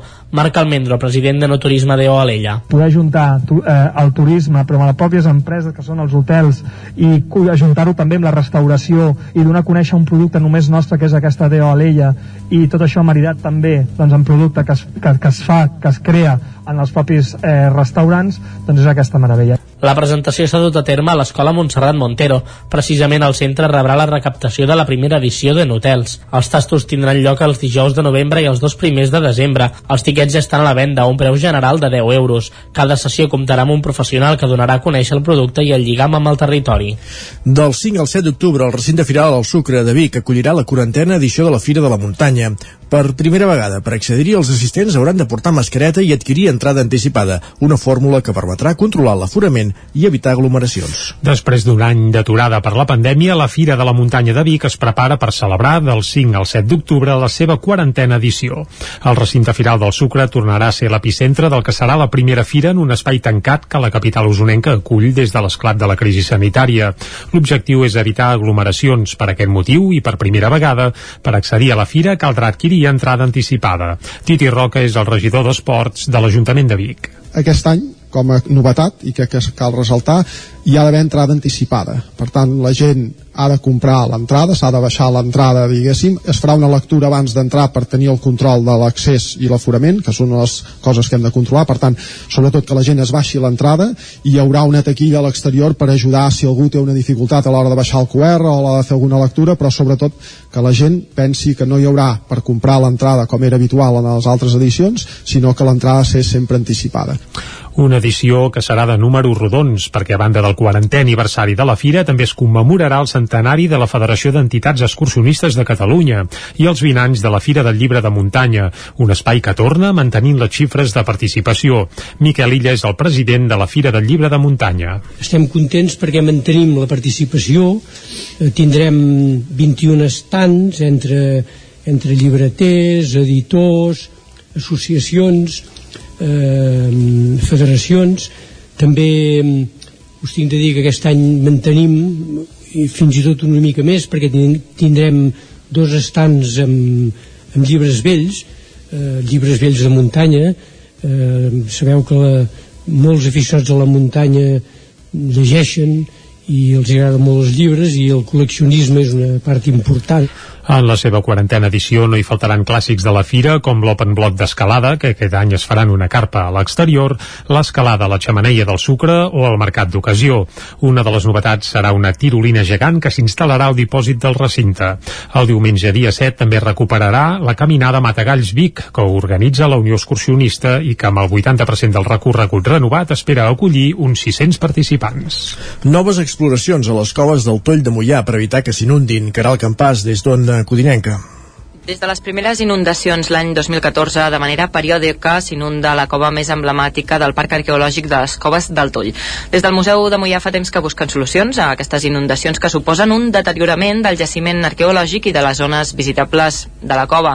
Des del 2016 un grup de voluntaris treballa per trobar l'origen de les filtracions i a partir d'aquí poder planificar un pla per frenar-les. La feina dels espeleòlegs és complexa i lenta i només es pot fer durant els mesos més secs de l'any, ja que les cavitats inferiors de la cova queden inundades la major part de l'any. Sentim Marta Fàbrega, directora del Parc Arqueològic per intentar averiguar com funcionen els torrents subterranis en capçalera i poder una mica prendre mesures que impedeixin la inundació del jaciment i de la part visitable de la cova del Toll. No treure l'aigua, sinó eh, controlar l'accés de l'aigua perquè no faci mal la cavitat visitable. Després de les inundacions que hi va haver el 30 de novembre de 2014, l'Ajuntament de Mollà i el Museu de Mollà han anat sol·licitant a la Diputació de Barcelona suport tècnic per la realització dels tres estudis hidroològics, el 2016, el 2017 i el 2020. Tot i això, de moment, no s'ha trobat cap solució viable per frenar les inundacions del jaciment arqueològic del Toll. Treballar des d'Osona per grans noms del cinema és possible. L'il·lustrador de Trolló, Arnau Solà, ha estat el responsable de liderar l'animació d'un videoclip promocional de la nova pel·lícula del director nord-americà Wes Anderson. Per fer el videoclip de 3 minuts de durada s'han necessitat 9 mesos de feina. Aquest divendres s'estrena als cinemes de tot l'estat la pel·lícula The French Dispatch, traduïda com la crònica francesa, una obra del director nord-americà Wes Anderson. La promoció i difusió del film, però, no hauria estat possible sense la tasca de l'il·lustrador de Torelló, Arnau Solà, encarregat de dirigir l'animació del tema principal de la pel·lícula.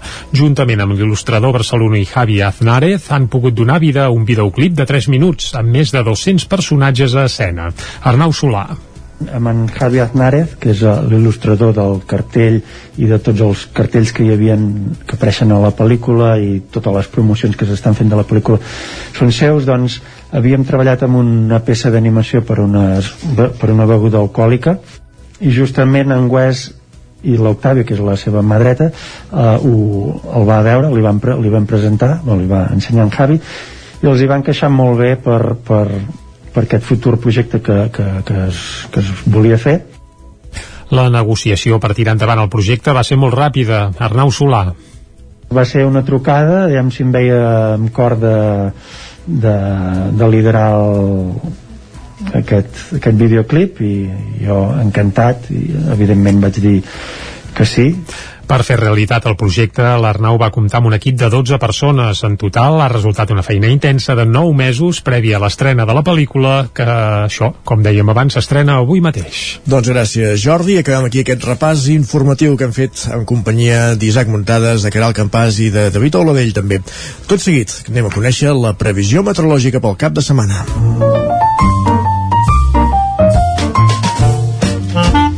Casa Terradellos us ofereix el temps.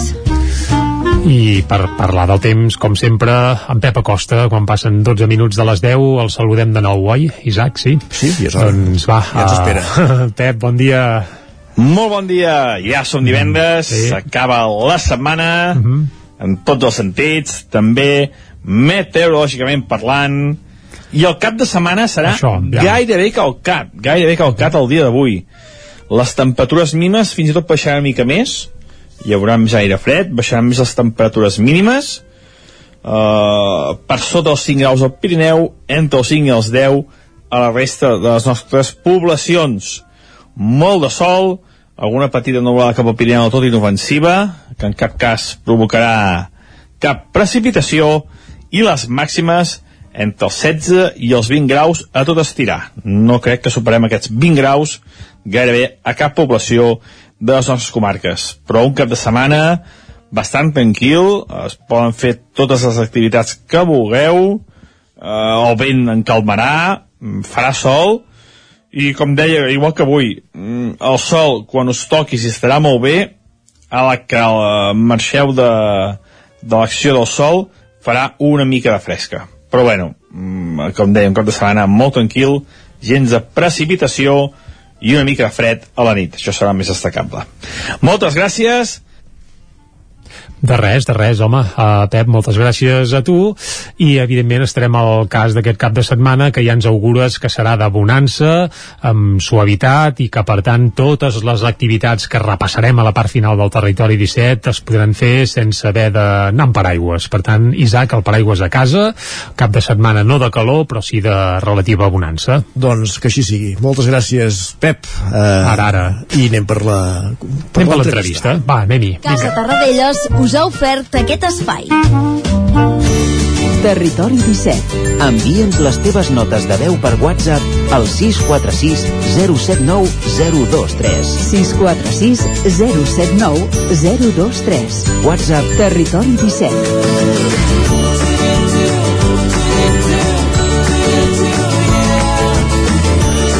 Territori 17. Som a Facebook, Twitter i Instagram amb l'usuari Territori 17.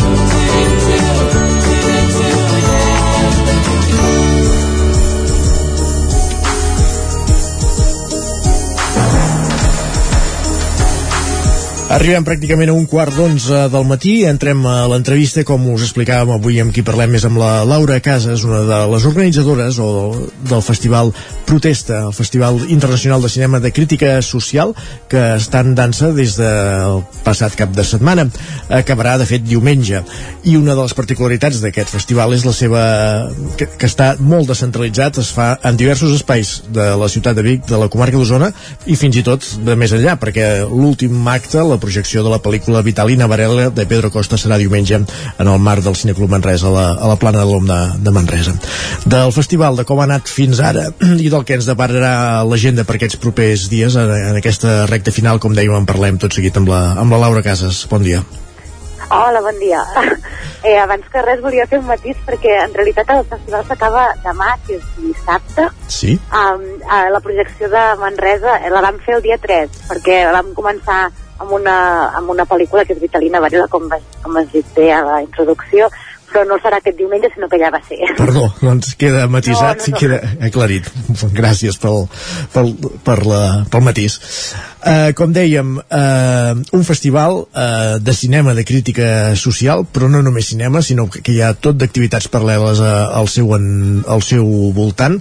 Aquest any dedicat als privilegis, s'han fet algunes sessions dedicades a, a aquest fet, als privilegis, i, i, i, i s'han abordat des de diferents àmbits. Un festival que ha programat 11 llargmetratges, 10 curs a la secció oficial, que s'han pogut veure en dues maratons a, al Casino de Vic, 10 curs a la secció no competitiva a l'ETC, la Cluenda de Mal Atlàntida, també a l'Atlàntida s'hi va fer la primera projecció inicial la, la setmana passada. Eh, Déu-n'hi-do l'activitat, i no, primera pregunta, com, com ha anat la, la resposta de públic, abans que res? Doncs la resposta de públic que està sent molt bona, estem supercontentes de, de la- de l'acollida que estan tenint les projeccions. Um, de fet, uh, l'any passat no vam poder fer el festival a causa de, de la pandèmia i aquest any l'hem agafat amb moltíssimes ganes i, i per exemple, ahir que teníem una, una de les activitats uh, programades al Casino de Vic, que era la projecció del, dels 10 curtmetratges que van a concurs, vam tenir gairebé 70 persones, eh, que és una cosa inèdita, no havíem tingut mai tanta gent en una sessió de curtmetratges i ens va, ens va fer molt feliços veure tanta gent amb ganes de veure eh, cinema de crítica social en format curtet. Molt bé. Parlàvem això, que aquest any el tema del festival són els privilegis. Per què es tria aquesta temàtica aquest any?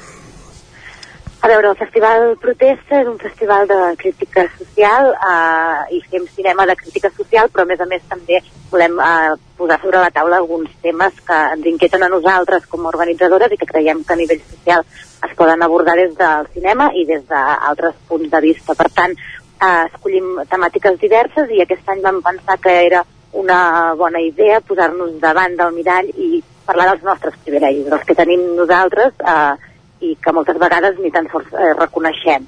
I per fer-ho eh, vam decidir pues, fer, per exemple, el diumenge passat una xerrada amb col·lectius d'Osona per parlar de temes de, de raça, de gènere, d'espècie i de classe eh, amb diferents col·lectius aquí de la comarca per acostar la, a la nostra realitat eh, a algú tan, eh, tan difícil d'assumir com és on hem nascut, eh, per què nosaltres podem viatjar, eh, perquè eh, doncs, per el fet de ser de, de l'espècie humana ens carreguem el planeta, etc etc i ho vam poder fer amb, amb gent de, de la zona per també explicar en què estem treballant, en què estem treballant ells eh, com a col·lectius.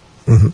Avui hi ha una altra sessió a les 7 al Casino de Vic uh -huh. titulada La masculinitat i la jerarquia social. És possible superar la masculinitat del privilegi? Que, ve uh -huh. una, que és una conversa artística entre Pol Galofré i el ballarí Eloi Martín. Des de quin àmbit, des de quin punt s'enfoca, diguéssim, aquesta conversa avui? Doncs avui el que tindrem és una, una trobada entre, entre el, aquestes dues persones que són en Pol Galofré i l'Eloi Martín, eh, que des del seu fet trans eh, ens parlaran del privilegi de la masculinitat, eh, des de la seva visió d'haver estat dones en el seu moment i ara ser homes eh, eh, com, a, com a home trans. Eh, aleshores, eh, intentarem, doncs, gràcies a la seva experiència i a la seva mirada, conèixer una mica més quina és aquesta realitat que moltes vegades ens passa desapercebuda o no, com a, com a dona a mi per exemple no m'hi passa, que és el fet de, de per ser home quins privilegis eh, tens, pel sol fet de ser home. Um, adquireixes automàticament una sèrie d'estatus de, o de privilegis que moltes vegades uh, cal remarcar perquè, perquè, perquè passen desapercebuts, no? Aleshores, l'activitat és, uh, és gratuïta, és a les 7 de la tarda, eh, la gent s'hi pot apuntar. Demanem que facin inscripció prèvia perquè creiem que hi haurà molta gent i per tant per assegurar-se una entrada eh, però és gratuïta i, i poden venir també directament les persones que s'animin a compartir aquesta estona de, de reflexió amb nosaltres. Uh -huh. En el cas d'en de, Pol Galofré, i ho diem perquè ell n'ha fet bandera, no? Eh, ell, en el seu moment, eh, va compartir imatges a les xarxes de que era eh, un home embarassat, diguéssim, en aquest aspecte. No sé si es pot parlar d'un privilegi des d'aquest seu punt de vista, no? Això suposo que avui ens ho, ens ho desgranarà ell també, perquè mm. clar, és des de la seva pròpia experiència Correcte. que ell ens farà aquesta reflexió Uh, però sí, ell, ell ha sigut, uh, eh, ha sigut pare, eh, en aquest cas, d'una criatura, i, i no sé si ho integrarà o no en, el, en la seva xerrada, però segurament serà molt interessant conèixer el seu punt de vista sobre tot plegat. Perfecte. Uh, Laura, parlàvem abans de, de que ahir estava ple, que hi havia sí. molta gent a la, a la sessió del casino per veure aquesta sessió, aquesta marató de, dels curtmetratges, dels 10 curtmetratges de la, de la selecció oficial. Una mica sobre què versen les pel·lícules que podem veure aquest any al festival. Entenc Clar, que sempre hi ha varietat de, de temàtiques, eh, diguéssim, però sí. no sé si n'hi ha de coincidents o, que, o, de, o, de, ha, o n'hi ha de més de rigorosa actualitat. Doncs a veure, el, clar, el festival té com les dues branques que comentàvem també al principi i la de llargmetratges és una... Nosaltres seleccionem com a organització un seguit de temàtiques, però la, els curtmetratges són els, les temàtiques que es presenten al concurs. Aquest any hem seleccionat entre els 400 curtmetratges que vam rebre, n'hem seleccionat 10 de la competitiva i 10 de la no competitiva, que la selecció aquesta no oficial, que no va a concurs, creiem que són també curtmetratges que mereixen ser projectats, tot i que després no, no opten al premi. Però dels, dels que opten al premi sí que tenim uh, una de les, uh, un dels temes que ens ha arribat és la, el tema de la pandèmia. De fet, tenim un, un curtmetratge que es diu La nova normalitat, que parla del, del confinament, però normalment també tenim temes de migracions, tenim aquest any també temes de gènere, temes de privilegis de gènere, n'hi ha dos que parlen sobre això, um, també tenim tema de sexualitat, de porno feminista, eh, bé, diversos, diverses temàtiques diferents, però sempre, a veure, crítica social, llavors hi ha temes recurrents que malauradament no, no hem superat i segueixen apareixent en les temàtiques. Però sí que és cert que aquest any per primera vegada pues, hem, ens trobem amb, aquesta, amb aquest curtmetratge que parla sobre uh, la pandèmia i sobre el confinament en concret. Uh -huh. Uh, com dèiem, el festival acaba demà i aquest acte de cluent de lliurament de premis a les 7 uh, a l'Atlàntida, diguéssim, com, com teniu pensat o què ens pots avançar de com serà aquesta cerimònia?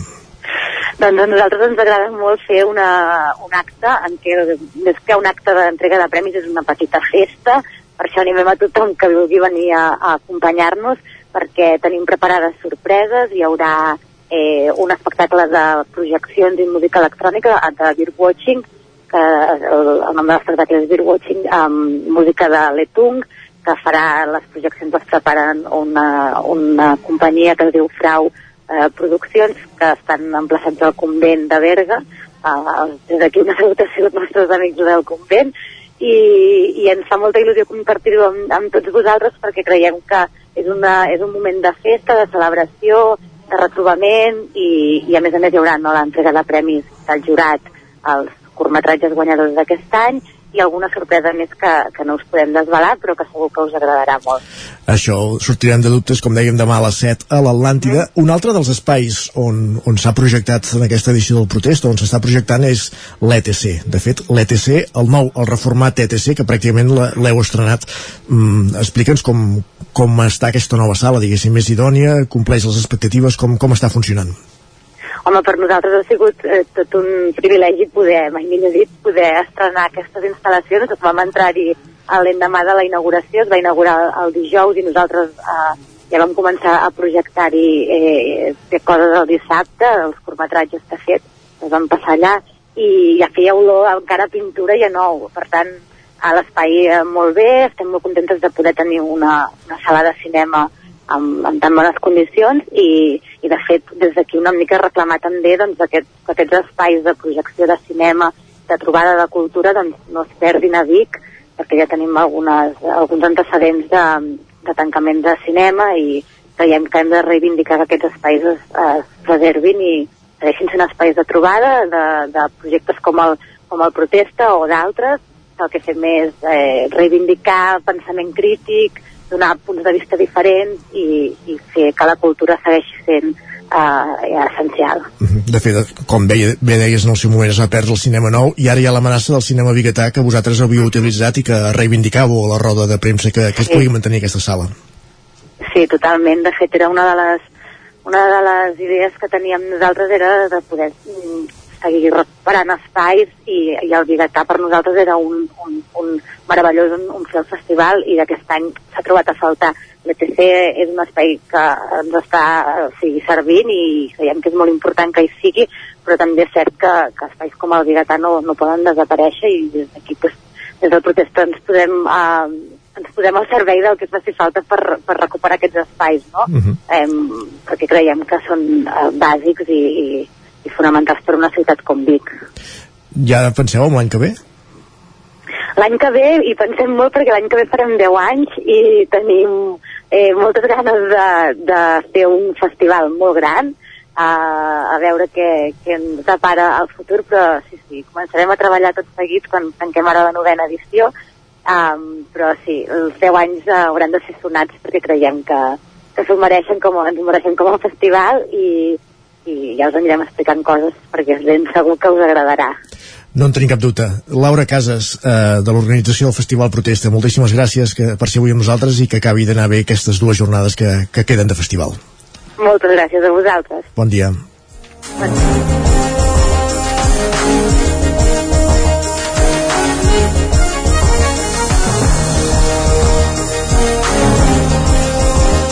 I arribats a aquest punt farem una pausa de 3 minuts i tornarem de seguida amb la resta de continguts que ens falten al territori 17, piolades i taula de redacció primer i després continuem amb l'agenda esportiva i la resta de continguts previstos per aquest divendres 22 d'octubre de 2021. Abans, com dèiem, una petita pausa publicitària.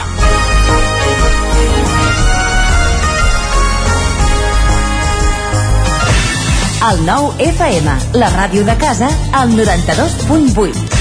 Vols noves sensacions en un ambient dels anys 80? Vine al restaurant 80 Spirit Peak. Emocions i bon menjar.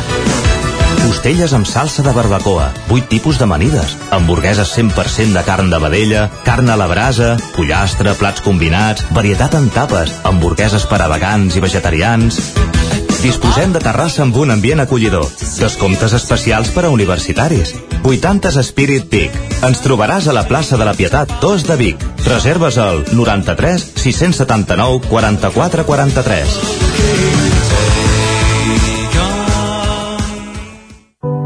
Cobertes serveis funeraris. Els nostres tanatoris estan ubicats en els nuclis urbans més poblats de la comarca d'Osona per oferir un millor servei.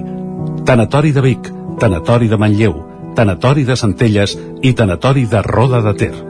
Sabem que són moments difícils i per això el nostre compromís és atendre-us en tot moment amb un tracte humà, sensible i respectuós. Cobertes serveis funeraris.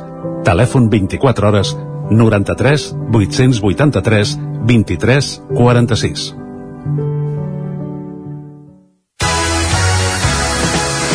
Ja tens la teva disfressa de Halloween? A Manli tenim les més terrorífiques. Vine a buscar caretes i tots els complements que et calguin per passar una nit de por. Ens trobareu al carrer de Ramon Soler número 1 de Vic i també a manli.cat. A Manli fem de la festa una bogeria. El 23 i 24 d'octubre la castanya torna a ser protagonista de Viladrau. Arriba la 26a Fira de la Castanya, una mostra única i sorprenent al voltant de la castanya, la tardor i el territori. Podràs gaudir d'espectacles familiars, cultura popular o tallers i endinsar-te al bosc per descobrir l'espectacular tardor del Montseny amb les visites guiades per veure els castanyers. I si tens gana, apunta de la degustació de tapes amb els restaurants de Viladrau. Aquest any estrenem connexions amb bus per pujar a la fira amb transport públic. El 23 i 24 d'octubre, Fira de la Castanya de Viladrau. Consulta totes les activitats a viladrau.cat. Cocodril Club. Si t'agrada la bona música dels anys 60, 70 i 80, escolta el 9 FM els matins de dissabtes i diumenges d'11 a 1. És el temps del Cocodril Club, tot un clàssic de la ràdio, amb les bases del pop-rock, les llegendes, les cançons que s'han convertit en autèntics himnes. Recorda, dissabtes i diumenges al matí, d'11 a 1, al 9 FM 92.8. Cocodril Club, el programa revival de l'Albert Malla. Hasta luego, cocodrilo. Anuncia't al 9FM. La màquina de casa. 9 3 8 8 9 4 9 4 9. Publicitat arroba al 9FM.cat. Anuncia't al 9FM. La publicitat més eficaç. El 9 FM, el 9 FM, el 9 FM, el 9 FM. Són dos quarts d'onze, anem a Twitter.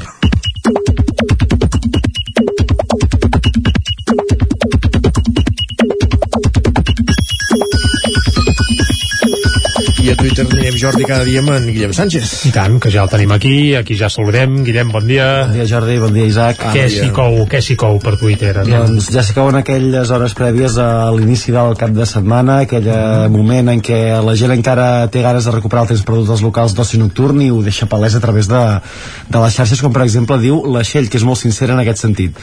Diu, surto més que el camió de les escombraries. Així de ras i de curt i de fàcil. Bé, ara que es pot, doncs que aprofiti. I així li reconeix la Maria, que deu ser familiar seu pel cognom que comparteixen amb l'usuari de les xarxes, diu, ja ho diuen per casa. Per tant, constància que queda... Aviam, qui és aquest, aquest cognom que comparteixen a les xarxes? Curós. Curós, molt bé. La Txell i la Maria... Curós.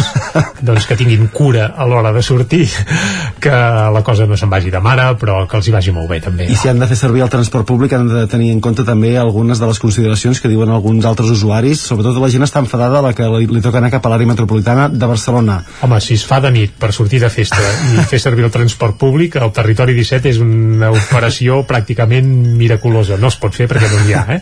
Però vaja. Uh, la Pau, en aquest sentit, diu ja que em gasto 80 oracos en la T jove, no la podríem fer d'un material que no fos literalment com paper?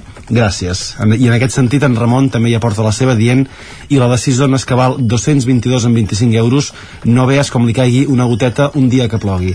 S'ha de constatar que el fet de portar-la dintre la cartera no assegura ni garanteix que aquella targeta es pugui fer servir el dia següent que la guardes allà dintre. Per tant, jo sí que demanaria aquí als responsables de, de la T jove que si la volen fer d'un altre material que aguanti una mica més, doncs que, que s'ho pensin. Jo i l'Isaac ja no la tenim, la T jove, eh?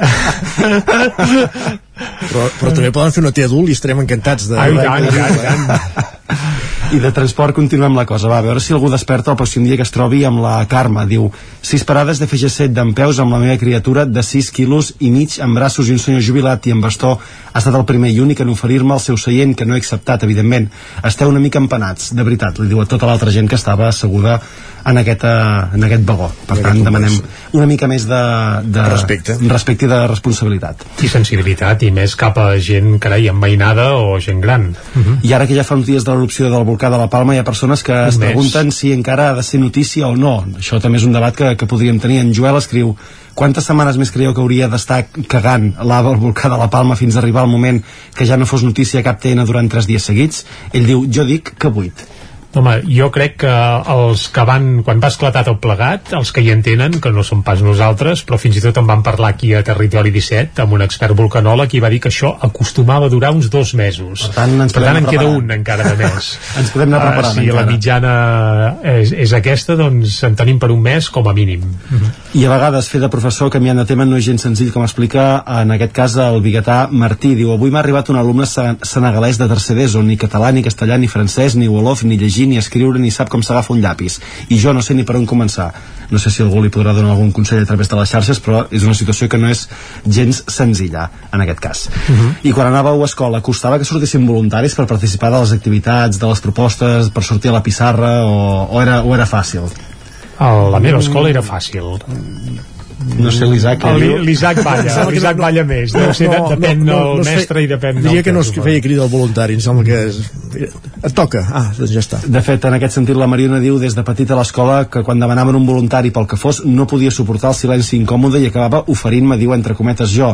Diu, fa tres dies que busquen pares voluntaris per fer de castanyera. Per favor, que surti algú ja. Per tant, ajudem una miqueta, sisplau, a la, a la Mariona, perquè potser no té gaires ganes de... Clar, a la meva escola també han fet aquesta crida, però, però clar, la fan per un matí a l'hora que estem fent el territori 17 no i és complicat. Jo aniria fent de castanyera, però volant, eh? A les I, i la, escoles i la crida aquesta es fa per WhatsApp, no, ara? Aquests i grups- tant, aquests grups de pares i mares i sí, sí, evident, això, això ha canviat això sí que ha canviat La Marta li respon a la Mariona, diu, només espero que hi hagi vídeos i fotos per immortalitzar el moment, i en Claudi li afegeix, diu, l'Oriol Solanes és la castanyera de Cardedeu. Per tant, també animem a tots els homes que si volen fer de castanyera no hi ha tampoc cap tipus de problema per, perquè s'hi puguin sumar. Es poden fer de castanyero, també, sí. Home, jo ara hi penso, i l'any passat sí que vaig fer de castanyera a l'escola, veus? Eh, Era un dia d'aquells que... Que feies festa. festa, i sí, sí... I no hi ha eh, cap foto ni, ni vídeo, Jordi? Sí, sí, segur que hi ha fotos, ja et ben asseguro que hi torrant castanyes i després fent de castanyera. Vull dir que, veus? Veus que bé? Guaita que bé, ja ho tenim això, va. I abans d'acabar la secció, una reflexió, la que ens fa l'Hèctor, diu, les nenes de 4 anys tenen una vida social impressionant. Diu, l'Emma va a més festes que la Gonila Bon Bismarck. Carai. deu ser la seva filla, suposo, que deu tenir 50.000 compromisos, i jo he de reconèixer que he hagut de buscar per la Viquipèdia qui és aquesta senyora, la, la, La Bonila, és un clàssic de... Jo no la tenia fitxada, però es veu que, segons la Viquipèdia, diu és la reina sense tro de Marbella. Per tant, a partir d'aquí ja que tothom faci uh, les imaginacions que, que siguin convenients. Perfecte.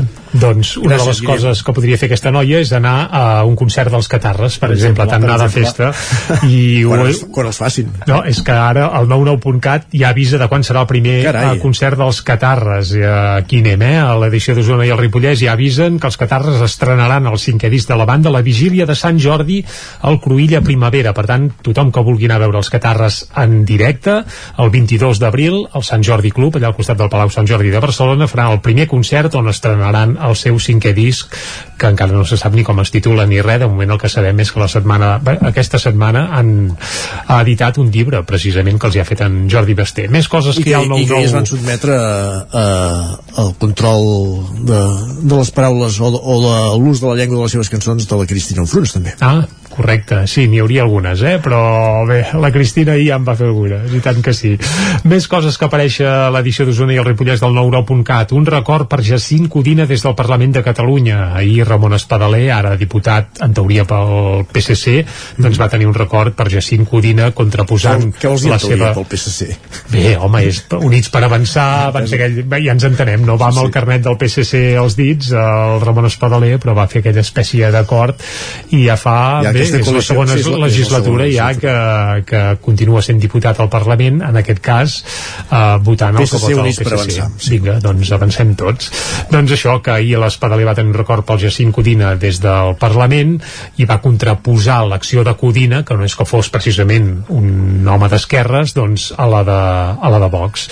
Més coses que apareixen en el 99.cat d'Osona, l'incendi d'un vehicle al túnel del Figaró provoca llargues cues a la C-17 en sentit Vic, això va ser ahir a la nit i ja ens n'hem fet ressò també a l'informatiu del territori 17 uh, aquest matí. I anem al Vallès anem cap al Vallès Oriental. La memòria del bombardeig de 1938 a Granollers s'enriqueix amb una vintena de nous testimonis.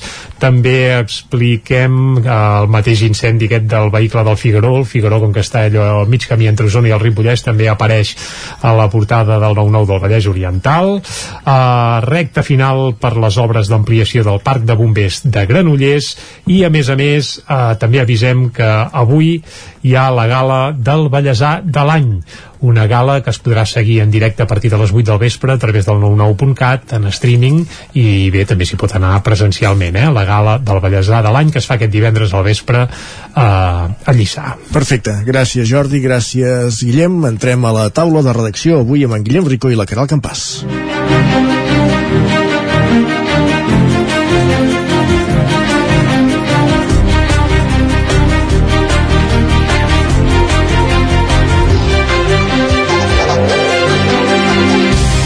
amb en Guillem Rico que parlarem de seguretat d'aquest anunci que feia per millorar la seguretat de Manlleu l'alcalde Àlex Garrido aquest dimecres i amb la Caral parlarem d'aquesta mare que denunciava aquesta setmana a les xarxes socials que el seu exmarit, de qui està divorciada, havia fugit de, del país amb un dels seus fills. Caral Campàs, bon dia. Hola, bon dia.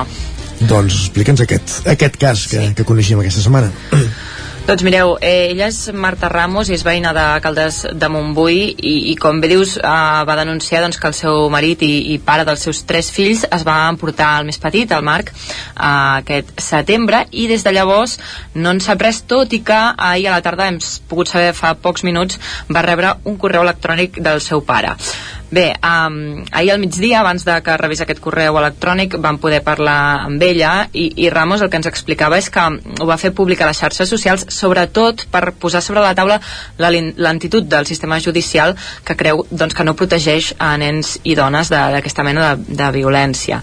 Uh, us comento, amb, amb l'exmarit uh, del que es va divorciar doncs, fa més de 6 anys, té, té tres fills en custòdia compartida, són uh, un noi de 15 anys, una nena de 13 i en Marc, que és el que es van portar de, de 11 anys.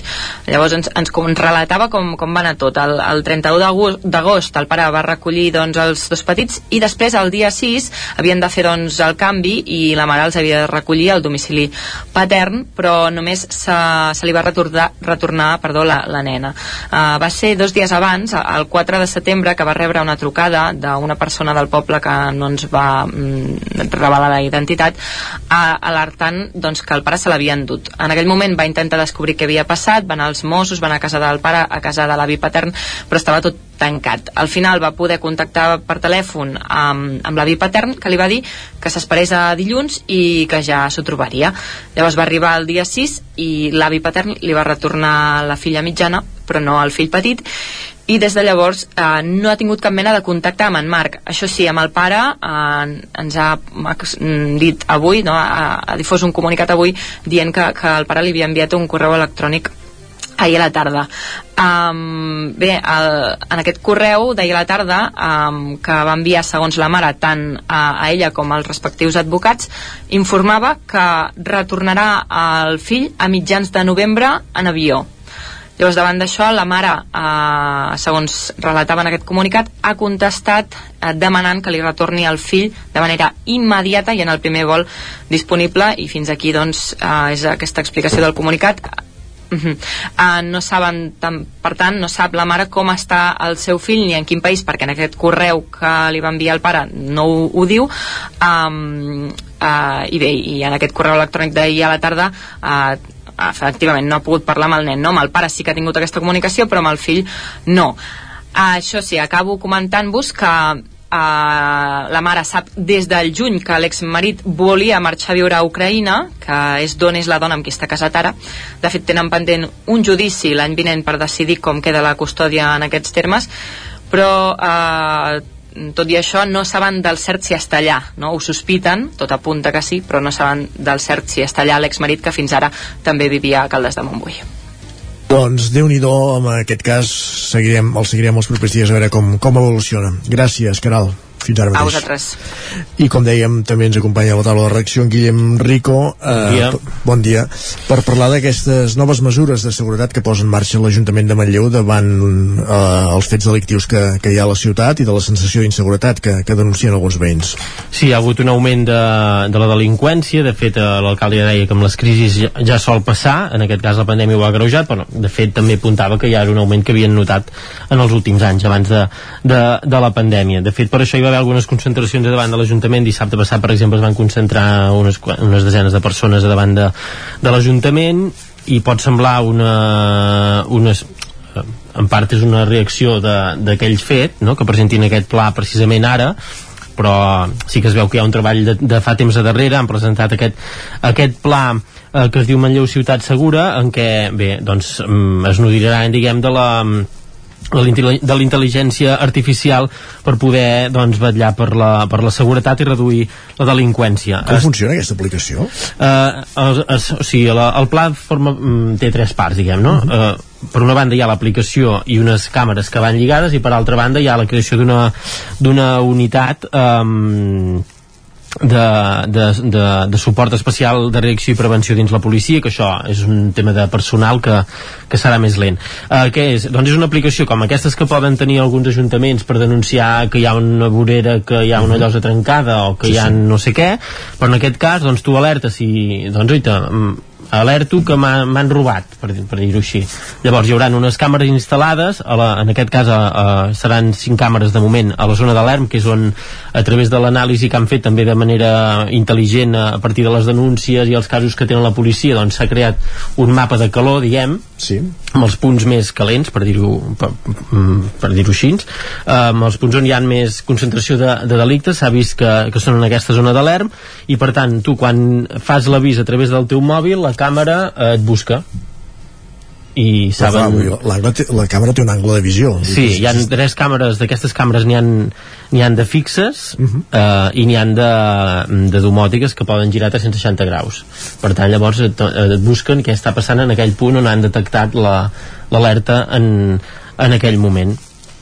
Això tot plegat val 226.000 euros i les càmeres les instal·laran entre finals d'any i principis de, de, del 2022 um, per tant això uh, llavors aquesta aplicació també la podran fer servir per temes de violència de gènere per, per fer alertes d'a- d'altres aspectes i també deien per exemple per tallar rumors no? uh, per, posàvem com a exemple doncs aquesta setmana s'havia robat una moto doncs eh, va corrent aquests missatges sobre aquesta moto taronja que s'havia robat doncs l'Ajuntament enviarà un missatge dient que s'ha trobat aquesta moto no? també per posar en valor la feina de la policia que remarcaven que comparat amb altres cossos de, de municipis similars doncs tenien un índex de detencions molt més alt i també en general el nombre de delictes malgrat que en la comparativa interna de Manlleu han augmentat per exemple des del 2018 que són les dades que ens presentaven eh, aquest dia hi ha hagut un centenar més de, de delictes respecte al 2018 per exemple i, un, i una setantena més respecte a l'any passat eh, eh, respecte a l'any 2019 en aquest, eh, respecte al 2020 eh, un 70 més, perdó.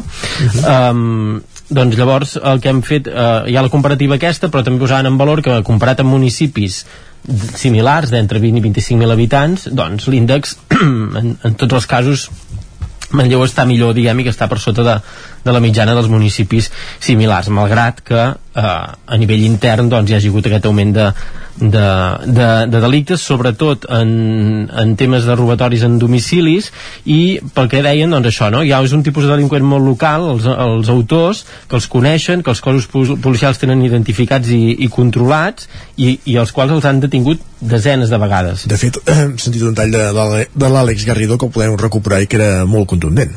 El sistema no funciona quan eh, un nano ha delinquit des dels 12 anys eh, i segueix delinquint als 20 i segueix tenint aquesta percepció eh, d'impunitat absoluta i de falta de respecte absolut contra qualsevol norma i qualsevol tipus d'autoritat.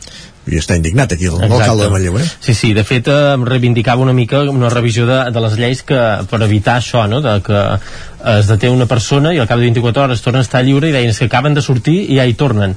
I llavors això que deia ara el tall de veu d'aquests nois de 12 que ara en tenen 20 doncs so, eh, deien que dins d'aquest grup de 20 persones amb un nucli dur de, de 6 o 7 nois doncs ja són els que el 2014 es dedicaven a rebentar cotxes i a robar les coses que hi havia a dintre. Doncs ara s'han fet grans, han evolucionat diguem eh, Dins l'escala l'escala delinqüencial. delinqüencial i ara ja els cotxes per ells deu ser poc i ara ja van cap a cap a, cap a domicilis perquè en part saben no, aquesta impunitat que, que deia l'alcalde que i també ho remarcava el, el cap de la policia doncs això, que també frustra una mica el fet de, de detenir-los i que tornin a sortir al carrer i això també és el que li costa d'entendre a la gent que té aquesta sensació d'inseguretat no? perquè al final deien és que al final mm, aquests tipus de, de delinqüents ens, no, no hi tenen res a perdre no? I, sí que és cert i que quan, hi tornen. sí que és cert que quan ja fan delictes d'aquests amb, de, amb, de robatoris amb força o així, això ja comporta certes penes de presó que acaben tancats un temps. Això sí que arribarà a, però hi ha d'haver una acumulació. hi ha d'haver una acumulació i, i falta que, que s'assenyali el judici i tot plegat, que, que són mesos però arribarà un moment que que un o altre haurà d'entrar, segur. Esperem que sí, però a veure, què, a veure si això els serveix d'alguna cosa. També deien que també és un problema que s'ha d'atacar de forma transversal, uh -huh. perquè amb el que està passant ara també és que aquests, aquest nucli de persones que fan aquests delictes doncs acaben sent referents d'altres nanos joves i que també estan anant pel, pel mal camí diguem. Correcte, llavors sí, sí. doncs s'ha d'atacar de, de forma transversal sí. Doncs moltíssimes gràcies Guillem per ampliar aquesta informació acabem aquí la taula de redacció com dèiem amb Guillem Rico, amb Caral Campàs anem tot seguit a repassar l'agenda esportiva Territori, Territori 17. 17. Territori 17.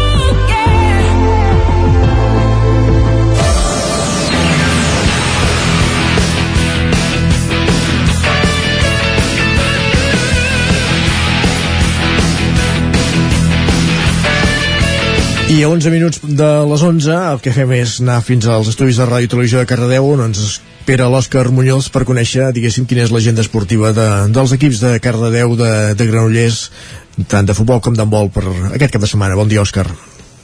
Bon dia.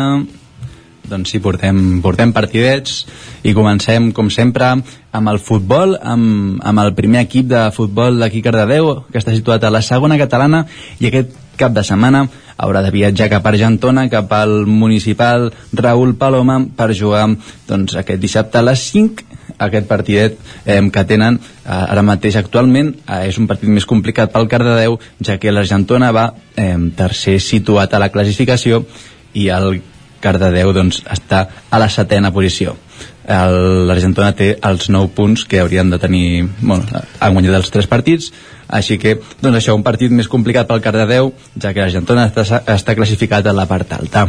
Mm -hmm, molt bé. del primer equip anem al segon.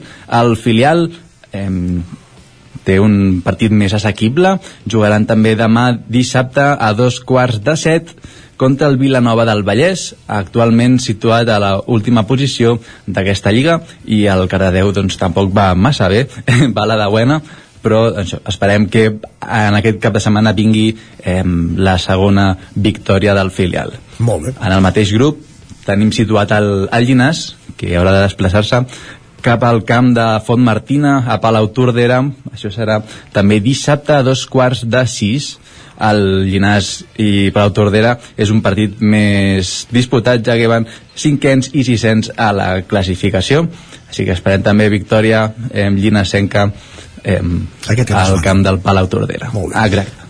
I acabem amb el futbol, amb el Granollers, amb l'Esport Club, situat a la tercera divisió, que aquest cap de setmana jugarà contra el Sant Andreu. Eh, això serà diumenge a dos quarts d'una del migdia. Actualment l'Esport Club doncs, no va res bé a la, a la tercera divisió, va últim classificat i jugaran contra un Sant Andreu que va quart que ho ha guanyat tot menys un partit. Així que no sembla que hagi de ser el partit que pugui fer el punt d'inflexió eh? exacte, no serà aquest. Molt bé, anem per l'handbol. Així que ah, digues, digues. a l'handbol, exactament. Eh, també tenim els dos eh, els dos sèniors tant el masculí com el femení de Cardedeu jugant cap de setmana. El el femení jugarà eh, contra les franqueses demà a dos quarts de set de la tarda al municipal d'esports de les franqueses actualment les franqueses van tercers i, el, i les cardedeuenques van eh, penúltimes d'aquesta lliga sènior femenina que tampoc tampoc van gens eh, bé en aquest inici de lliga uh -huh. i tant, el femení com el masculí tenen la mateixa similitud de partits, ja que el, el masculí també jugarà demà dissabte a dos quarts de set eh, i jugarà també contra eh, contra un tercer classificat com Perdó, he perdut aquí, ah, vale el tens o no? juga contra sí. el tercer classificat, dius, eh?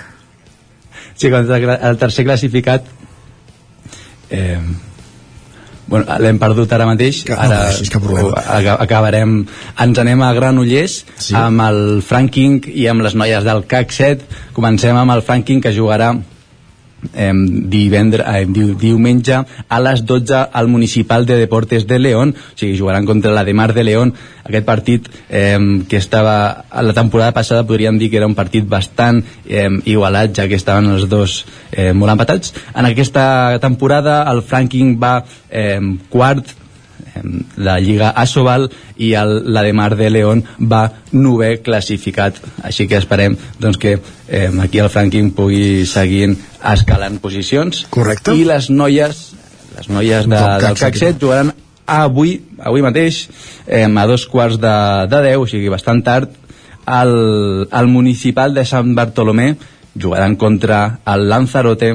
Aniran a la illa a jugar. Així que eh, Lanzarote CAC 7 de Granollers avui a dos quarts de 10 Perfecte. el que comentàvem, el partit últim, últim del, del sènior masculí d'handbol de Cardedeu jugarà eh, diumenge a dos quarts d'una del migdia contra eh, l'handbol Sant Cugat.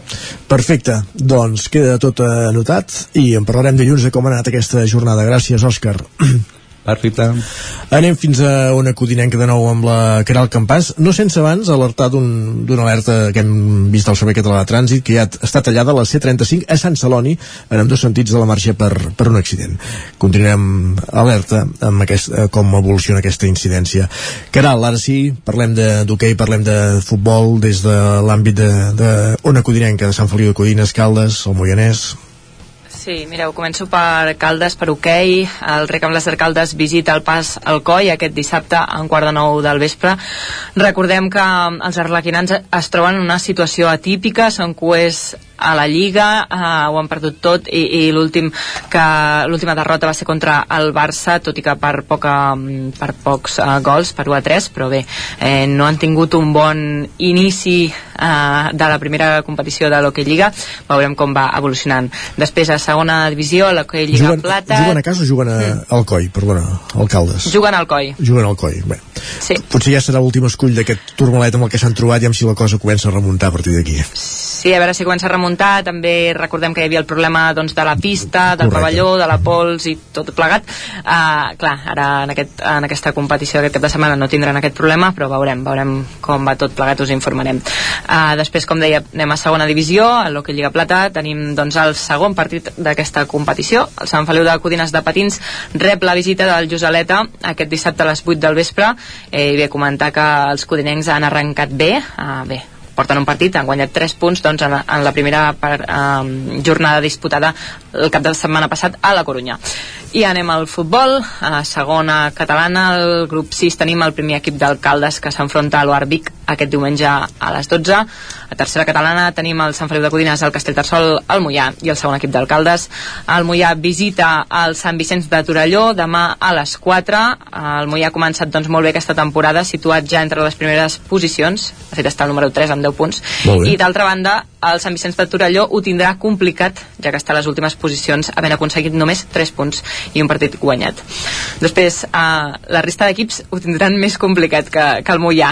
El, el Sant Feliu de Codines juga a casa contra el Roda de Ter, diumenge a les 12. El líder. Eh, Exacte, número 1 invicta a la classificació i clar, davant d'un Sant Feliu que ha guanyat dos dels cinc partits disputats i està el número 10 uh, després el Castellterçol rep la visita de l'Olímpic La Garriga Diumenge a un quart d'una, Castellterçol també ocupa les últimes posicions eh, davant d'un olímpic que és número 4 amb 10 punts, empatat eh, amb el Mollà.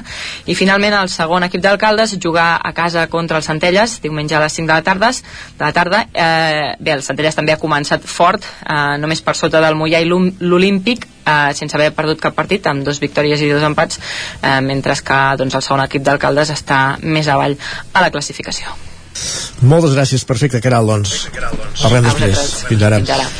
De una codinenca que anem a la veu de Sant Joan amb l'Isaac Muntades per conèixer els equips del Ripollès que tenen previst contra qui, contra qui tenen previst jugar aquest cap de setmana Doncs, si et sembla, Isaac, comencem pel futbol. Anem al subgrup UA de la segona catalana perquè el Camprodon tindrà un duel força difícil a domicili contra el Porqueres aquest diumenge a les 12 del migdia. Els porcarencs són segons a la Lliga amb 10 punts i han aconseguit dos triomfs consecutius eh, i per la seva banda el Camprodon és últim d'un grup de 12 equips d'aquesta primera fase i només té 3 punts amb 4 derrotes fins ara.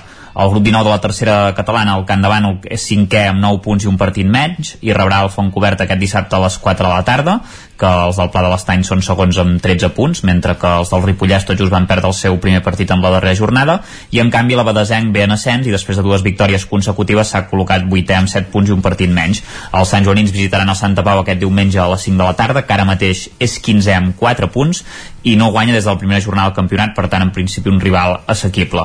Uh, pel que fa a l'hoquei, el grup A de la primera catalana, l'hoquei Club Ripoll vol seguir amb la seva bona dinàmica en aquesta primera fase. Ara els ripolleros són segons amb 7 punts i visitaran el, Casan el Casanenc aquest diumenge a dos quarts de set de la tarda. És un rival propici per aconseguir una nova victòria perquè el Casanenc és cué i encara no ha guanyat doncs, cap partit. I a la Lliga de Primera Nacional de Futbol Sala per acabar, l'Escola de Futbol Sala Ripoll Cervicat torna a la competició domèstica després d'obtenir doncs, el quart lloc a la Champions a Turquia. I els ripollesos no han començat gaire bé la Lliga així com la Champions els hi va anar una mica millor. Uh, la Lliga no, perquè són vuitens amb un sol punt en dos partits disputats encara està al començament. I aquesta setmana es desplacen a la pista olímpica argentona Cartonatges Pans dissabte a les 8 de la tarda uh, que també doncs, uh, només ha sumat un punt com el Ripoll però té un partit menys, per tant un partit important per mirar cap amunt i no cap avall. Perfecte, Isaac, moltes gràcies també. Fins ara. A vosaltres, fins ara. I acabem aquesta roda dels estudis del 9FM avui amb en Jordi Sunyer eh, explicant-nos que, com serà el, el cap de setmana esportiu a, Osona. No hi haurà hoquei de l'hoquei Lliga perquè van jugar dimecres, però sí que hi ha sí, altres no. enfrontaments, eh? Sí, no hi ha hoquei Lliga, però ja et dic que d'hoquei n'hi ha i comencem per aquí, si et sembla, perquè comença el que seria la UEFA de l'hoquei, en aquest cas ara es diu World Europe Cup i aquí juga el Voltregà. I concretament dissabte a dos quarts de sis de la tarda se n'anirà cap a Portugal per jugar amb el Sant Joanense.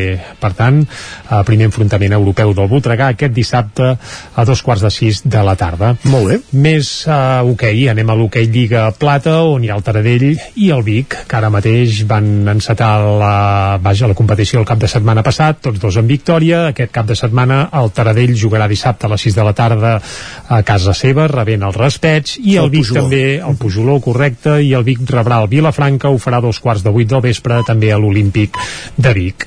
Uh, deixem l'hoquei i anem cap al bàsquet, perquè a la Lliga EVA el grup C on hi ha el Vic doncs el Vic rebrà l'Andratx. Uh, i això serà dissabte a partir de les 6 de la tarda. Recordem que de moment el Vic sumen una victòria i una derrota, per tant una no, són dues victòries dues, dues, dues victòries, correcte, i una derrota.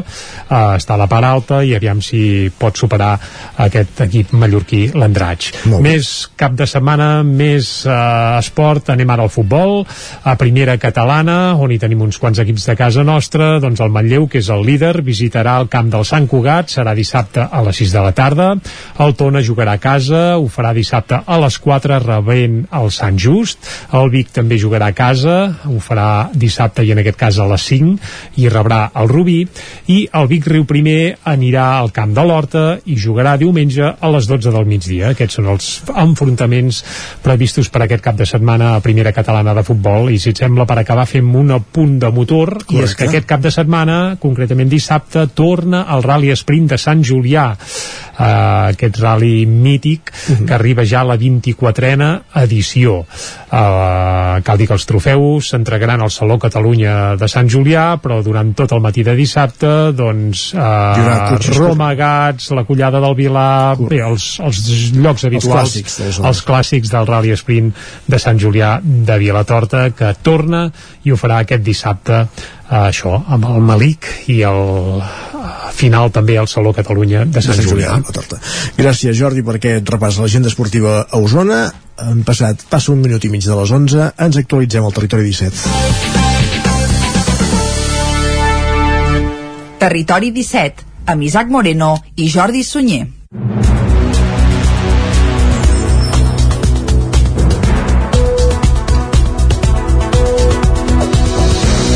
L'Ajuntament de Manlleu vol posar en marxa una aplicació mòbil que permeti a la ciutadania alertar d'incidències i que anirà vinculada a un sistema de càmeres de videovigilància.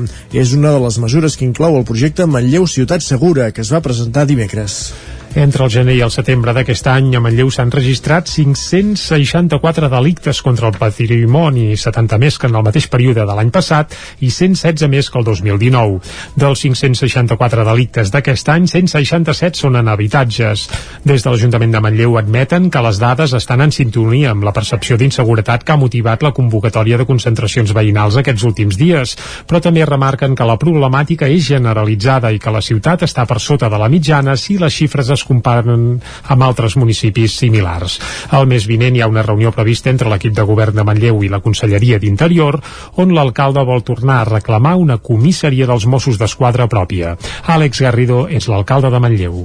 Treballar estratègia conjunta, demanar un reforç major eh, i més continuat en el temps i alhora intentar aconseguir per la problemàtica eh, històrica que tenim que pugui tenir eh, una comissaria dels Mossos d'Esquadra. De, a banda de demanar més suport dels Mossos, l'equip de govern de Manlleu també començarà a desplegar a finals d'any el projecte Ciutat Segura, amb una aplicació mòbil de seguretat a la qual es podran registrar els ciutadans que ho vulguin i que els permetrà donar diferents tipus d'alertes.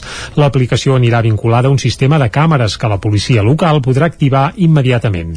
Des de l'Ajuntament ahir també asseguraven que el grup que protagonitza la major part dels delictes està identificat, que l'integren una una vintena de persones que, tam, que són de Manlleu i que ja haurien estat vinculats a episodis anteriors com els robatoris en cotxes l'any 2014. Àlex Garrido. El sistema no funciona quan eh, un nano ha delinquit des dels 12 anys eh, i segueix delinquint als 20 i segueix tenint aquesta percepció eh, d'impunitat absoluta i de falta de respecte absolut contra qualsevol norma i qualsevol tipus d'autoritat. El desplegament del projecte Manlleu Ciutat Segura tindrà un cost de 226.000 euros i també inclou més endavant la creació d'una unitat de suport especial de reacció i prevenció a la policia local. Els Mossos d'Esquadra sancionen 90 vehicles en un control de trànsit al Parc Natural del Montseny. Es va portar a terme pel pont del Pilar i el cap de setmana següent. David Auladell des de Ràdio Televisió de Cardedeu. Els dies del Pont del Pilar i el cap de setmana següent, unitats dels Mossos d'Esquadra de Seguretat Ciutadana de Sant Celoni i dotacions de trànsit van portar a terme un dispositiu de control dels accessos i aforament al Parc Natural del Montseny, amb l'objectiu d'evitar l'aglomeració descontrolada de vehicles estacionats fora dels aparcaments habilitats i protegir la flora i fauna del parc. Amb la tornada a la normalitat post-Covid i la temporada de castanyes i bolets, aquesta tardor s'ha detectat un augment significatiu de visitants, tot i els esforços en habilitar noves zones d'estacionament controlat i la posada en marxa del servei d'autobús regular per accedir al Parc Natural des de Sant Celoni i Santa Maria de Palautordera, l'aglomeració de persones i vehicles que ha accedit al parc ha superat les expectatives i l'espai disponible. Aquest accés de vehicles i massificació origina greus problemes a la circulació a l'aparcar al voral. Aquest fet dificulta la circulació dels vehicles d'emergències i impedeix l'entrada i sortida de vehicles a les finques privades provocant molèsties als veïns de la zona. En aquest sentit, els Mossos d'Esquadra han sancionat els vehicles mal estacionats amb un total de 30 denúncies administratives durant el pont del Pilar i 60 denúncies més el cap de setmana següent. Cada dissabte, diumenge i festius, unitats de Mossos d'Esquadra de Seguretat Ciutadana de Sant Celoni i patrulles de trànsit estableixen un dispositiu de seguretat i control del trànsit al Parc Natural del Montseny. La cooperativa Arran de Terra presenta un informe sobre agroecologia i economia solidària del Ripollès. Isaac Muntades, des de la veu de Sant Joan. Aquest divendres a la tarda, la pallissa del restaurant La Barricona de Ripoll acollirà una jornada tècnica amb el títol Agroecologia i Economia Solidària, llavors per a la transformació ecosocial al Ripollès. L'activitat està organitzada pel Cercle Garrotja Ripollès de l'Ateneu Cooperatiu de Terres Gironines i començarà a les 6 de la tarda amb la presentació de la jornada i de l'informe elaborat per la Cooperativa de Treball Associat sense ànim de lucre Arran de Terra, que promou arreu de Catalunya l'agroecologia i la sobirania alimentària. L'informe es titula Llavors per a la transformació ecosocial, reptes i potencialitats de l'agroecologia al Ripollès i la Garrotja i anirà a càrrec de Guillem Tendero, que és membre de la cooperativa. Ariadna Pomar, que també està vinculada a Arran de Terra, explica que aquest treball es va fer als anys 2018 i 2019 i la seva difusió va quedar aturada per la pandèmia. Bàsicament parla del sector primari d'aquestes dues comarques que està compromès amb l'agroecologia i l'economia social i solidària. Pomar comenta algunes de les particularitats del Ripollès. A la Garrotxa i el Ripollès, com al ser això territoris de muntanya, sobretot més el Ripollès, no? sí que, per exemple, es veu doncs, la importància de la ramaderia i de la ramaderia extensiva en aquesta comarca i que de fet això que la majoria per exemple de cultius estan orientats als agrícoles a destinar alimentació animal i, bueno, i això és positiu perquè la ramaderia extensiva en aquest cas té uns valors molt importants de manteniment del mosaic agroforestal de prevenció d'incendis, etc. L'aquí, per exemple, no? el, el tema dels cavalls també és força important aquí, com segurament també la Cerdanya, eh, però tot i així també veiem unes tendències generals com per exemple la intensificació no? de, en tema de granges, per exemple, porcines i també de gallines i pollastres aquí al Ripollès, no? que cada vegada hi ha menys granges, però que les granges cada vegada tenen més capacitat, això és una intensificació, o el que et deia de la pèrdua d'importància del sector primari, de nombre de pagesos i pageses que van disminuint any rere any. Pomar explica que la pandèmia ha servit per veure que els productors del territori eren més importants i que no hi havia tanta dependència dels circuits globals, ja que subministraven producte de proximitat de molta qualitat i amb molta més rapidesa. També comenta què vol aconseguir aquesta cooperativa. Intentem avançar cap a aquest sistema alimentari globalitzat en el que els productes viatgen quilòmetres i quilòmetres per arribar fins a les nostres taules, en el que les persones que treballen en el camp tenen sovint unes condicions laborals molt precàries o en els que hi ha uns impactes ambientals molt severs i molt problemàtics com pot ser això, els purins a casa nostra, de la problemàtica dels agrotòxics a Argentina, per exemple, amb el tema de la, de la soja, no? passar d'aquest sistema injust en, en totes aquestes dimensions cap a, cap a un sistema alimentari doncs, en el que la pagesia tingui unes retribucions dignes, en el que puguin viure de forma tranquil·la i en el que això doncs, el territori sigui més ben cuidat i més conservat. La jornada continuarà amb una xerrada de Maria Puig d'Aromic sobre el cultiu de plantes aromàtiques i medicinals i un tastet de formatges a càrrec de Neus Puig Pei i de Som Formatgers. Gràcies, Isaac. Les obres del Teatre Cent del Centre Democràtic i Progressista de Caldes de Montbui segueixen a bon ritme i es preveu que d'aquí a un any l'espai es pugui posar en funcionament. Caral Campàs, des d'Ona Codinenca per tal d'accelerar les obres del centre del teatre que hi ha a l'Ateneu Democràtic de Caldes i poder-lo enllestir d'aquí un any, l'entitat ha firmat un conveni amb el consistori de 250.000 euros per completar la reforma. L'acord que es va fer públic durant una visita d'obres a la rehabilitació de l'espai ahir suposa per l'Ajuntament concretar en dos anys la inversió prevista en una dècada per a aquest projecte. Les obres han de permetre adequar l'equipament a les necessitats escèniques actuals i millorar el confort i la seguretat dels usuaris. Per això s'ha assegurat l'estructura de l'edifici edifici també s'han instal·lat tancaments i divisòries amb resistència de foc, portes tallafocs, revestiments aïllants, paviments nous, un nou ascensor i un nou sistema de climatització. Els treballs també compten amb la instal·lació d'un nou pati de butaques, entre d'altres actuacions. Per fer tot això, l'Ateneu al centre també disposarà d'un altre ajut de 200.000 euros per part de la Generalitat. Ho ha anunciat el president de l'entitat, Jaume Pieres, durant la intervenció en què subratllava que el més important del projecte no és el teatre pròpiament dit, sinó les persones amb esperit activista que l'han d'utilitzar. Aquí s'han fet reunions, aquí s'han fet experiències, aquí s'ha fet teatre tal com està, això i en pitjors condicions. Per tant, la voluntat de fer-hi coses hi és, i ha de ser i l'hem de reforçar.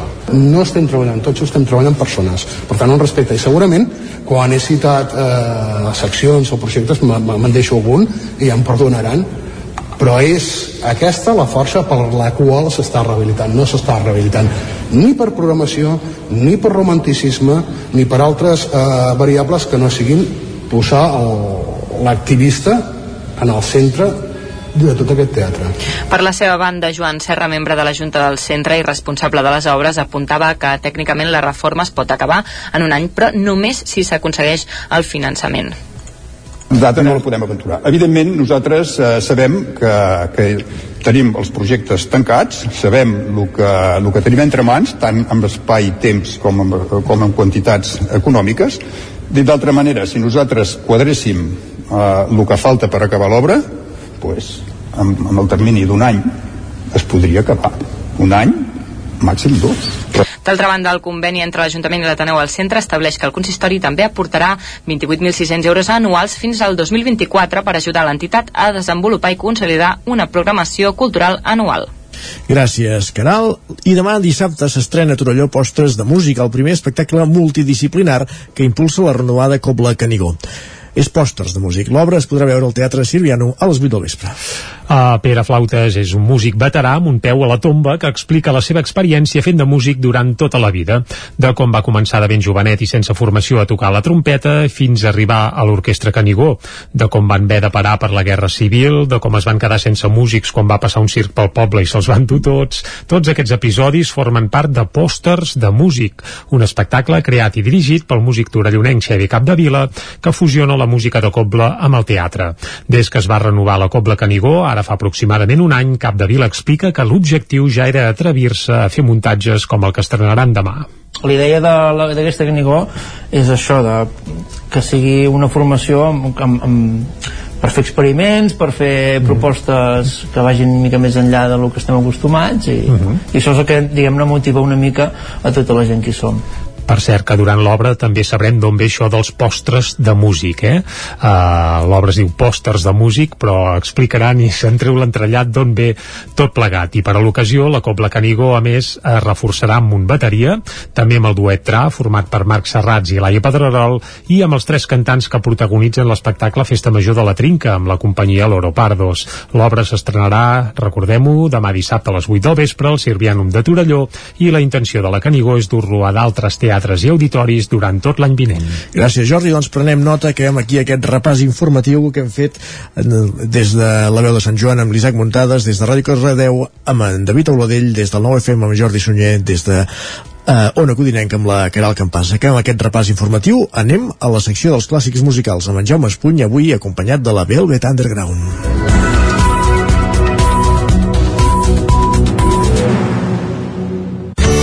Territori 17. Envia'ns les teves notes de veu per WhatsApp al 646 079 023. 646 079 023. WhatsApp Territori 17.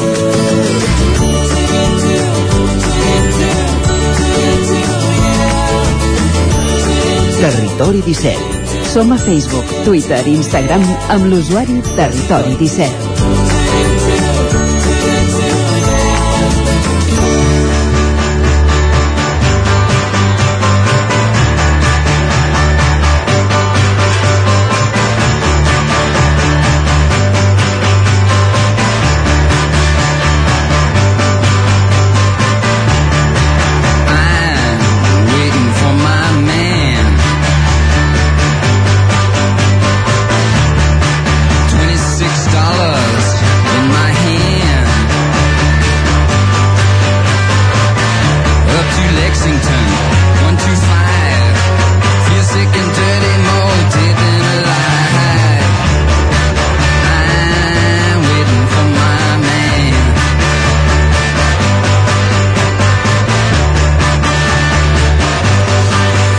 Doncs avui, com dèiem, Velvet Underground, escoltant la, la veu de l'Urrit i aquest clàssic de clàssics que és a totes les discoteques de Godes i per haver, que és el, el disc amb, el, amb la imatge del plàtan de, de l'Andy Warhol.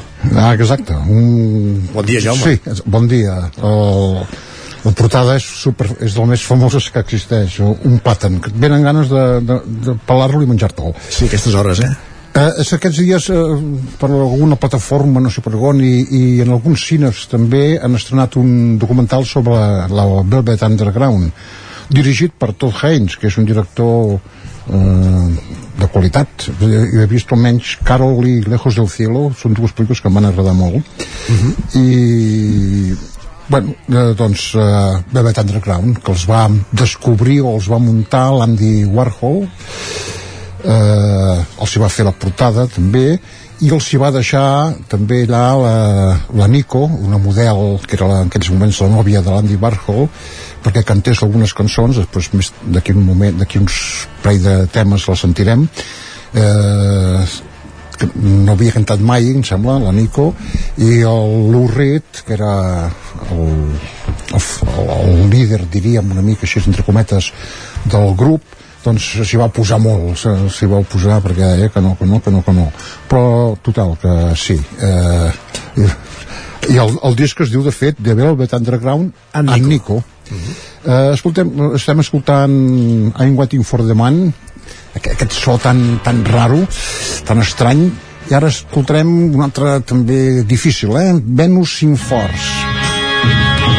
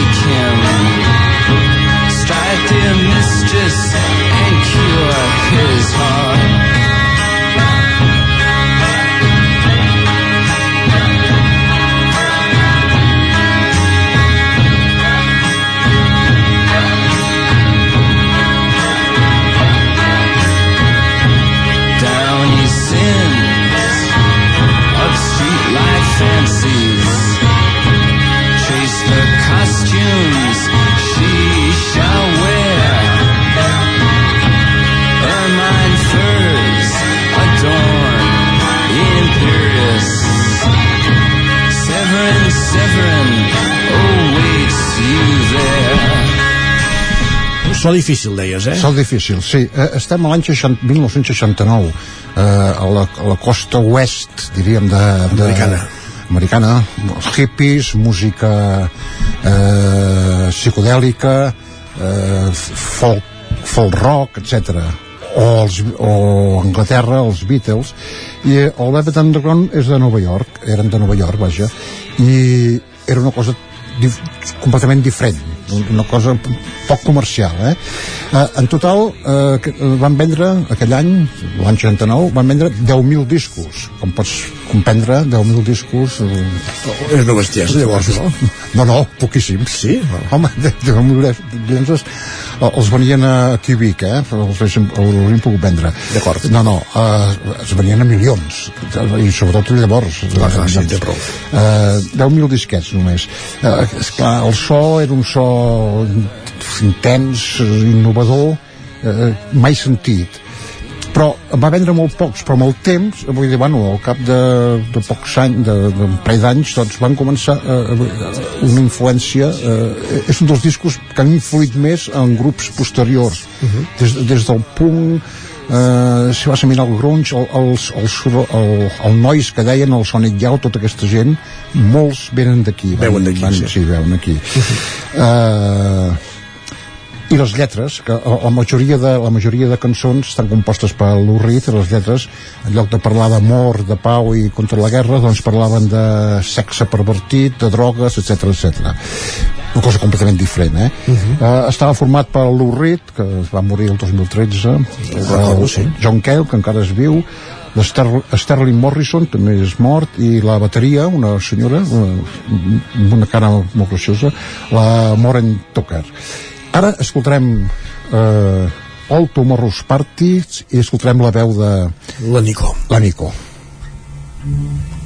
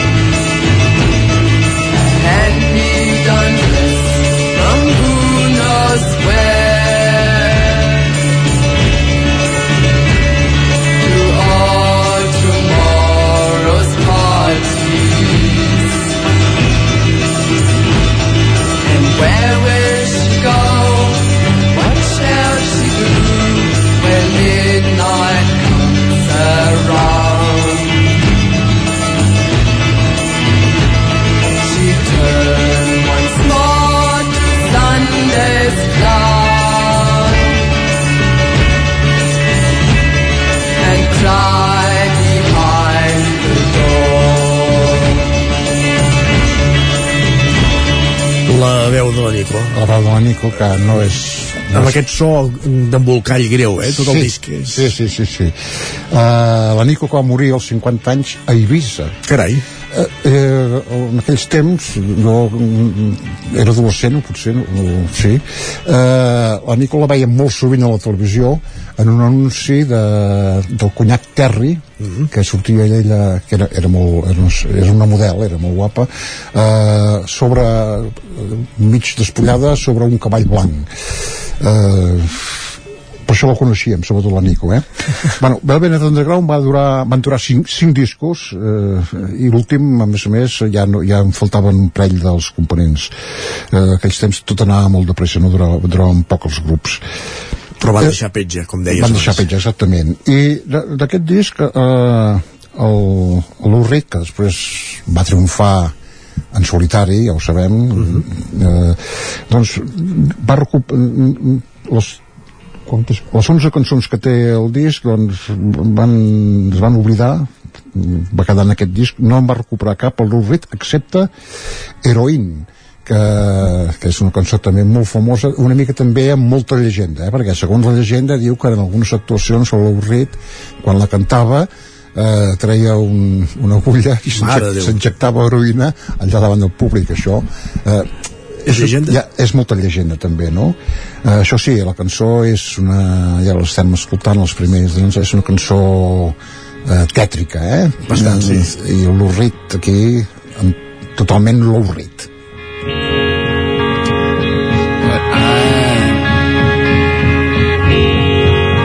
gonna try for the kingdom if I can. Cause it makes me feel despite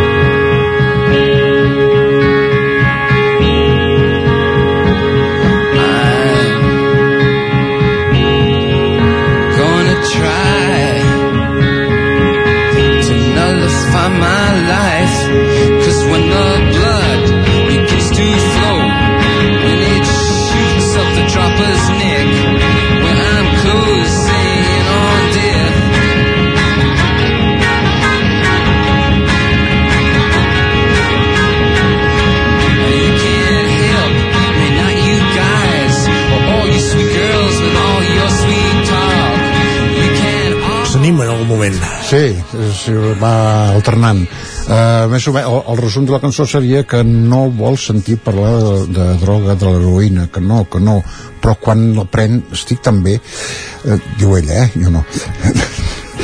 uh, bueno, doncs aquí, fins aquí el, el, el primer disc de, de Velvet Underground, en Nico, els tres següents que van gravar eh, eren tan bons com aquest el, i el cinquè ja va començar a fluixar i, com, I ja no van treure cap més. i exactament, i els Velvet Underground van passar a la història mai més ben dit tornarem a sentir uh, uh, bueno, sentirem la cançó que, uh, que obre el disc que la canta la Nico Sunday Morning, a mi m'agrada molt aquesta cançó sí, és molt maca molt bé I Jaume, doncs amb aquesta cançó acabem. Moltíssimes gràcies i fins la setmana que ve. Fins la setmana que ve. Velvet Underground en Nico.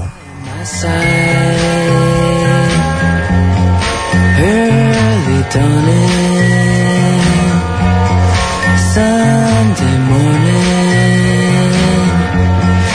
It's just the wasted years so close behind. Watch out, the world's behind you. There's always someone around you who will call nothing at all.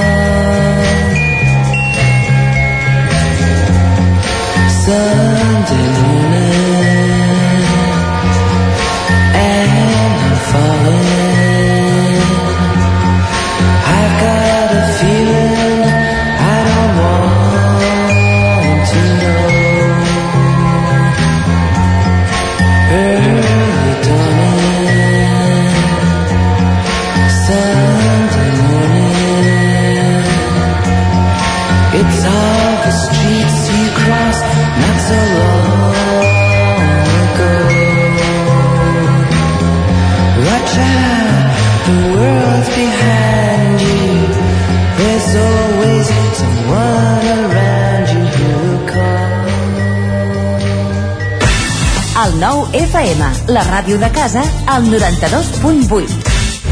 El racó de León. Gaudeix de la nostra terrassa. Vine a tastar les xuletilles de lechal a la brasa amb una bona amanida o el xuletón de vedella gallega. No et pots perdre el nostre lechado de Castilla al forn o el cochinillo a l'estil de Segovia. Tot acompanyat del millor celler, al menjador o fora la terrassa. Descobreix la millor cuina de Lleó sense moure't de casa. Vine amb la família, els amics, la parella o sol. T'encantarà. El racó de León, cuina tradicional lleonesa i de mercat. Som al carrer Torelló número 35 de Vic. Per reserves, telèfon 93 889 1950. El racó de León, una cuina diferent. Som especialistes en cargols a la llauna. Vine a tastar-los al racó de León. Quan arriba la nit de Tots Sants, les bruixes tornen a Viladrau. Des de 1997, el 31 d'octubre arriba al Ball de Bruixes, un espectacle de carrer teatralitzat amb música, dansa, llum i foc en què 14 dones de Viladrau es reuneixen per celebrar la seva última junta abans de ser condemnades i executades. Aquest any, doble representació a les 9 i a dos quarts d'onze del vespre. Reserva ja la teva entrada i vine a commemorar la persecució de les bruixes. El 31 d'octubre, 24è Ball de Bruixes de Viladrau. Consulta totes les activitats a viladrau.cat. A Corretja tenim tot el que necessites per la teva llar. Tot tipus de paviments i revestiments, sistemes d'aïllament, cobertes, parquets, aixetes, ferreteria, pintures, fixació i cargoleria, vestuari i material de seguretat. Disposem de més de 3.500 metres quadrats d'exposició amb una nova zona exterior d'aïllaments. A Corretja som especialistes en cuines i banys. Us assessorem, dissenyem i realitzem el projecte des de l'inici fins a la fi del muntatge. 100% cuines, 100% banys. Al carrer Mas Vigues 8 de Vic, a corretja-sl.com o a Instagram. 100% materials per la construcció i la decoració. 100% corretja. Cobertes serveis funeraris. Els nostres tanatoris estan ubicats en els nuclis urbans més poblats de la comarca d'Osona per oferir un millor servei. Tanatori de Vic, Tanatori de Manlleu, Tanatori de Centelles i Tanatori de Roda de Ter. Sabem que són moments difícils i per això el nostre compromís és atendre-us en tot moment amb un tracte humà, sensible i respectuós. Cobertes serveis funeraris. Telèfon 24 hores 93 883 23 46. Anuncia't al 9FM. La màquina de casa. 9 3 8 8 9 4 9 4 9. Publicitat arroba al 9FM.cat. Anuncia't al 9FM. La publicitat més eficaç. El 9 FM, el 9 FM, el 9 FM, el 9 FM, el 9 FM. Territori 17. A Tren d'Alba. Cada dia els usuaris de la línia R3 de Rodalies que veuen sortir el sol des d'un vagó ens expliquen les gràcies i les penes del primer comboi que uneix Ripoll i Barcelona.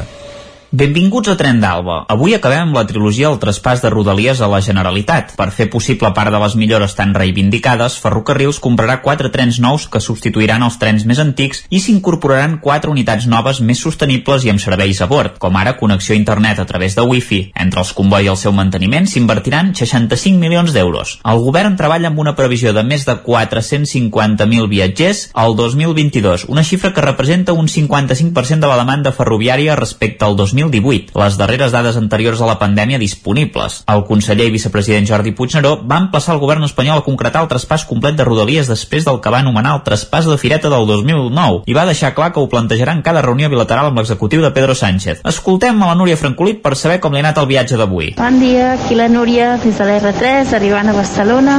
Avui el tren he estat treballant, jo sempre aprofito per treballar i he estat molt concentrada amb la música i, i anar fent. I just quan arribàvem a Sant Andreu Arenal m'he tret els auriculars i hi havia tres dones fantàstiques parlant de com feien les cremes de carbassa, carbassó i pastanaga. I han estat debatent sobre quin era el procés per fer-les, quins ingredients s'hi havien de posar. Ha sigut una conversa molt interessant.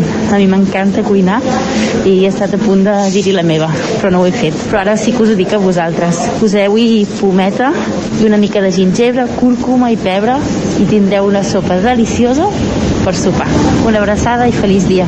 Doncs bé, espero que us hagi agradat la reinventada secció de cuina que ens acaba d'oferir la Núria. Ja veieu, la clau per fer una bona crema és afegir-li poma. Per tant, si heu de cuinar, ja sabeu què toca. Va, ens retrobem dilluns amb més històries del tren i de l'R3. Territori 17 El 9 FM, la veu de Sant Joan, Ona Codinenca, Ràdio Cardedeu, Territori 17.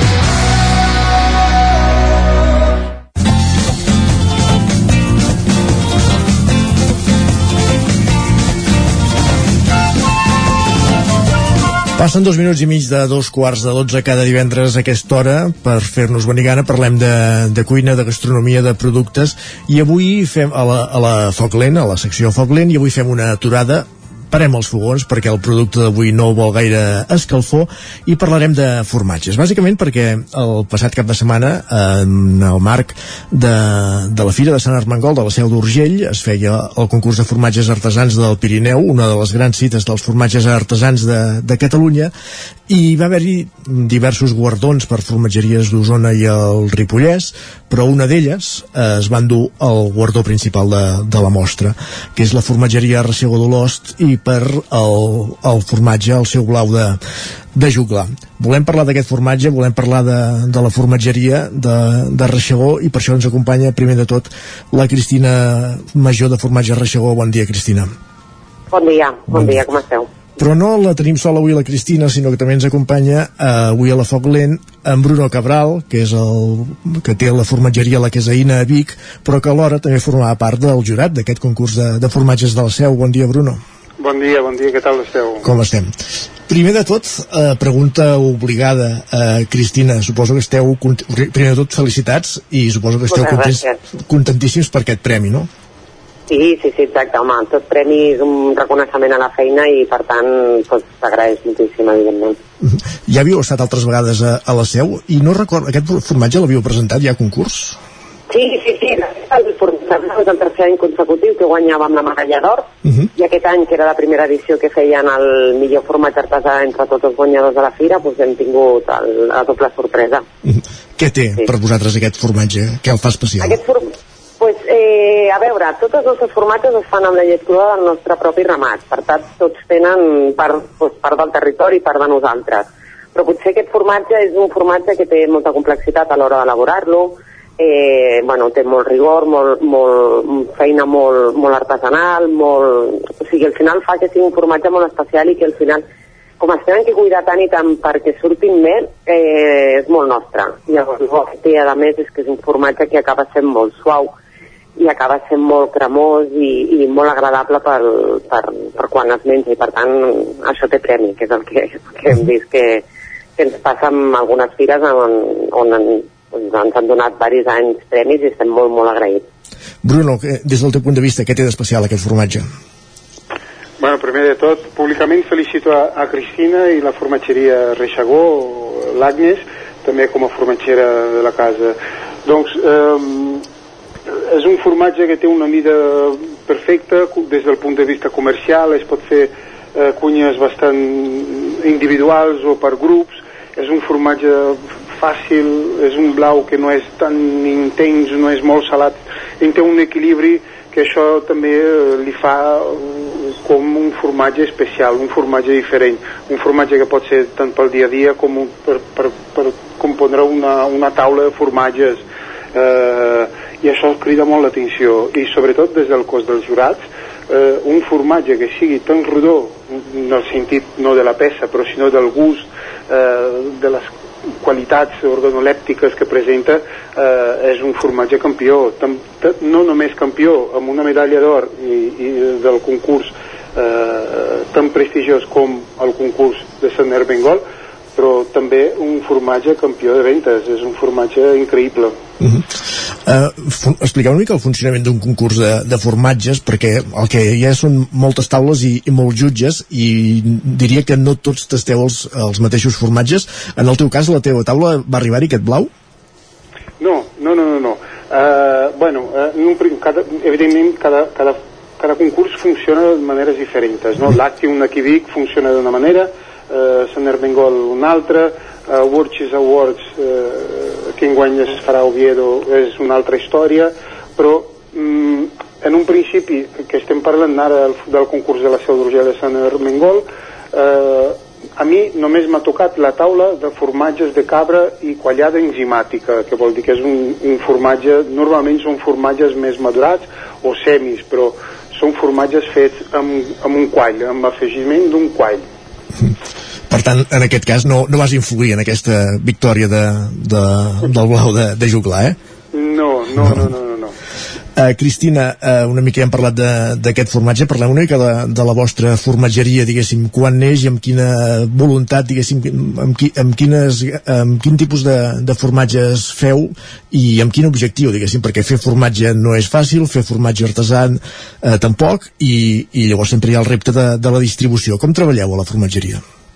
Doncs nosaltres, a veure, la finca fa molts anys que ja treballem amb, amb vaca i sí que és veritat que fa uns anys va haver-hi bueno, una necessitat econòmica, com ha passat amb, amb aquest sector, en el sentit que al final la indústria làctica es menjava a les, formatge... Ai, a les, a les granges, no? estem parlant de que es paguen uns preus per sota de cost, i aquí va haver-hi una necessitat de, de, de canvi. Llavors, com nosaltres sí que és veritat que sempre hem sigut molt formatgers i, i sempre ens agrada menjar molt bé, vam veure que hi havia doncs, l'oportunitat de, de transformar la nostra pròpia llet i alhora, si ho fèiem, fer-ho bé, fer-ho d'una manera artesanal, respectant molt el que és la feina artesanal, la pròpia llet crua, uh, i sobretot en el sentit que tampoc no volíem fer un altre tipus de formatge industrial que s'acabés també menjant l'indústria perquè al final funciona d'aquesta manera. Per això vam dir, anem a elaborar diferents tipologies de formatge que potser fins aleshores sí que és veritat que des de fa uns anys enrere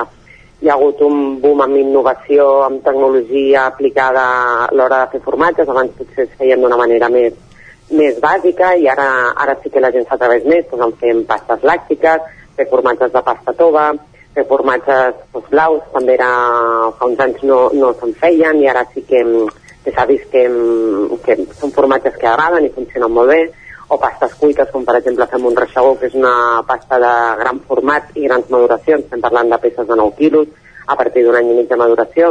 Sí, sí que és veritat que, mm, tal com ens vam trobar nosaltres, també es van trobar altres, formats, eh, altres granges i van decidir fer doncs, aquesta aposta. I potser per això ara, mm, a, a aquestes altures de, de l'any de estem a 2021, estem parlant que a Catalunya s'estan fent molts tipus de formatges que potser 20 anys enrere no es feien. Llavors aquí per això nosaltres va ser l'aposta, fer-ho sempre d'una manera molt, molt tradicional, perquè al final nosaltres som una petita, una petita granja i volíem fer això, un formatge de qualitat i artesanal, que això es transmetés a l'hora de menjar el producte. El blau de juglar és aquest blau que, que ha aconseguit ara aquest premi, però diguéssim la formatgeria també dona nom a un formatge que és aquest que comentaves ara, aquesta peça gran eh, que, és el, que és el reixegó diguéssim, és una mica l'emblema el reixegó de, de la formatgeria Diguem que potser és el formatge que és, eh, bueno, eh, té més, eh, potser una elaboració més complicada per, per aquests grans formats i aquestes grans maduracions, i potser sí que també hem rebut altres premis i té molta anomenada, però també hi ha altres pastes, com per exemple nosaltres fem un, un, el tou del Lluçanès, que també vam rebre la medalla d'or en aquest premi de, de la Fira de Sant Armengol, i és un formatge que també ens està funcionant molt, molt bé perquè és un formatge tipus torta, d'aquests que s'obren per dalt i es mengen amb cullera o es pot fer en palet. O sigui, al final eh, tothom associa una torta amb un formatge de- d'ovella i nosaltres pues, hem aconseguit pues, pues, fer aquest tipus de formatge. O també fem una làctica molt petitona, que es diu Sant Ignasi, que és un formatge molt llaminès, perquè és molt agradable, sí que és intens, però també al final eh, tenim una gran família de formatges que perquè li agradi més intens, menys, més curats, eh, més pastes toves, ens sentim còmodes, podem fer en diferents formatges i que arribi a tothom. Al final, eh, o sigui, mm, al final els formatges eh, agraden a tothom, però tothom acaba sempre tirant cap a un cantó cap a l'altre. Llavors, en aquest sentit, hem volgut fer doncs, una família de formatges, Montreig, el Lluçanès, Sant Ignasi, Olós, fins i tot ens plantem amb, amb ratafia, o sigui, al final és una mica anar mirant i fins i tot també tenim marcat com en un futur eh, seguir fent nous formatges. Veiem que, que el mercat demanda també coses noves i també pues, això, anar innovant i anar seguint fent. És una mica el nostre, el nostre element, la nostra filosofia de treball. Mhm. La Cristina ho explica molt bé i ho ven molt bé. Bruno, són fàcils de vendre els formatges de reixegó? sí, són, són formatges fàcils perquè enamoren, són formatges eh, constants, no hi ha masses diferències d'un lot a l'altre, el client que ve avui pot tornar l'endemà o la setmana vinent i el formatge serà el mateix amb petites diferències que només l'artesania té, eh, però són, són, són, són fàcils per, perquè són professionals i estan boníssims. Uh, parlem ara en general d'això, de, de la formatgeria artesana. Uh, en Bruno va obrir fa cosa d'any i escaig a, Vic una formatgeria dedicada uh, al producte artesà, uh, de venda directa, de compra directa uh, al productor. Uh, també és allò, una mica la sensació de, de remar amb tot en contra, diguéssim, però estàs content del, del resultat obtingut de, de treballar amb això, amb productors, amb uh, pro proximitat i d'anar fidelitzant una clientela? Sí, estic molt content, molt content i encara eh, n'hi ha molt eh, camí per recórrer. Eh, és només el principi d'una història que serà molt llarga. Estic molt content i molt agraït, sobretot al Bigatà eh, i a l'Osonenc, que ens van acollir eh, molt bé, molt bé.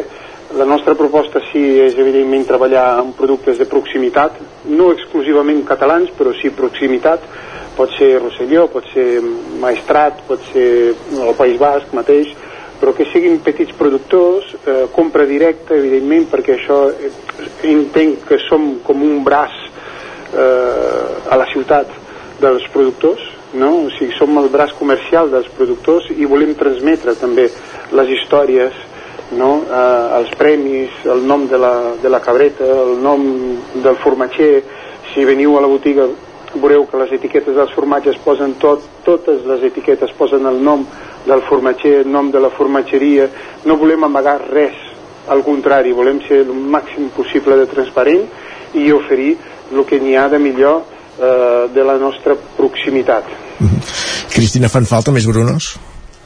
El que, eh, a veure, nosaltres estem encantats amb projectes com el del Bruno, a més el Bruno és una persona que és molt respectuosa amb tots nosaltres i això es nota, a més eh, té passió i transmet a la seva botiga, de fet entrar i no comprar un formatge és com, bueno, és, és algo crec que és impossible i evidentment fan falta molt més Brunos, per sort també n'hi ha altres ter- territoris de Catalunya més Brunos, per això és la sort que tenim els formatgers.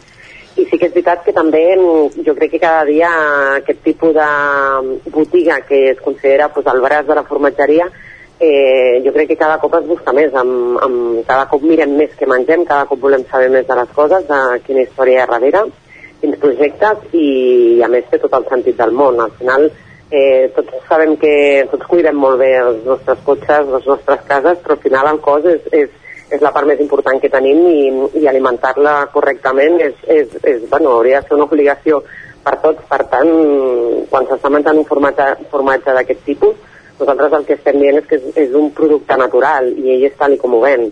Per tant, estem parlant de que, mm, de que saps que menges, saps que tens i a més també té un...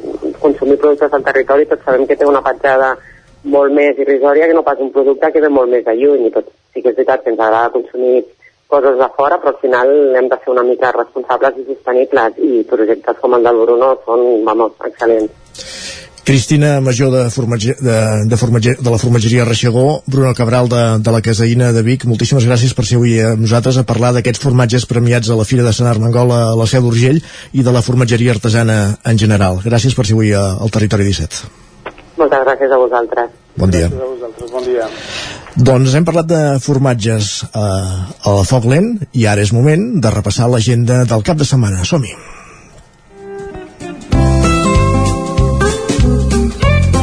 Thank you.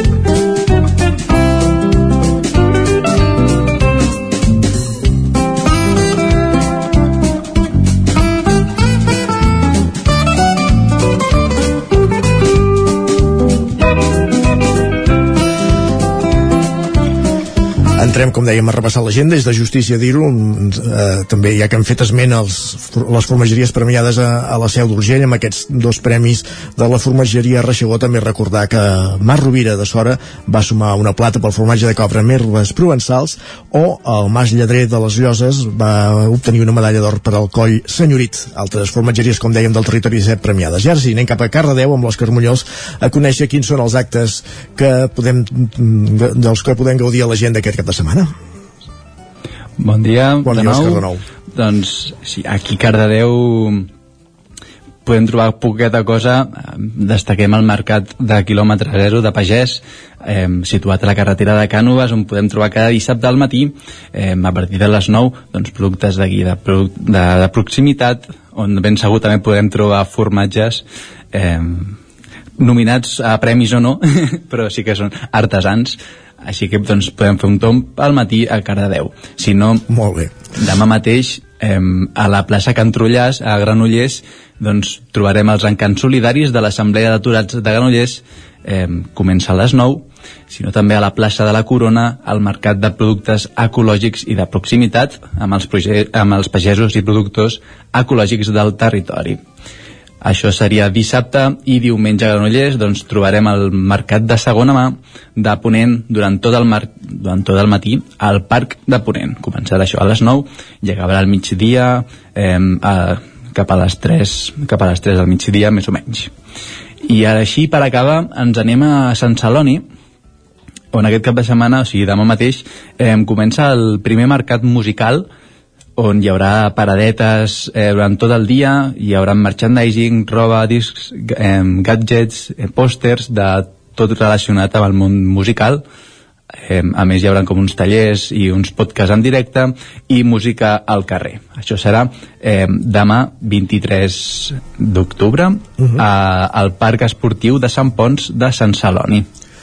Molt bé. Ho deixem aquí, ho tenim tot ja? Ho tenim tot. Perfecte, bon cap de setmana, Òscar. Uh, anem, adéu. Anem cap a Ona Codinenca amb la Caral Campàs. Bon dia, Caral. Poca, Hola, bon dia. Poca activitat ens avançaves abans, aquest cap de setmana? Sí, no hi ha gaire cosa, tot i que tenim una activitat molt suculenta a Vigues i Riells, però en general no, no hi ha massa qüestions. Però eh, començo per Moianès i us faig dos apunts a nivell mig esportiu.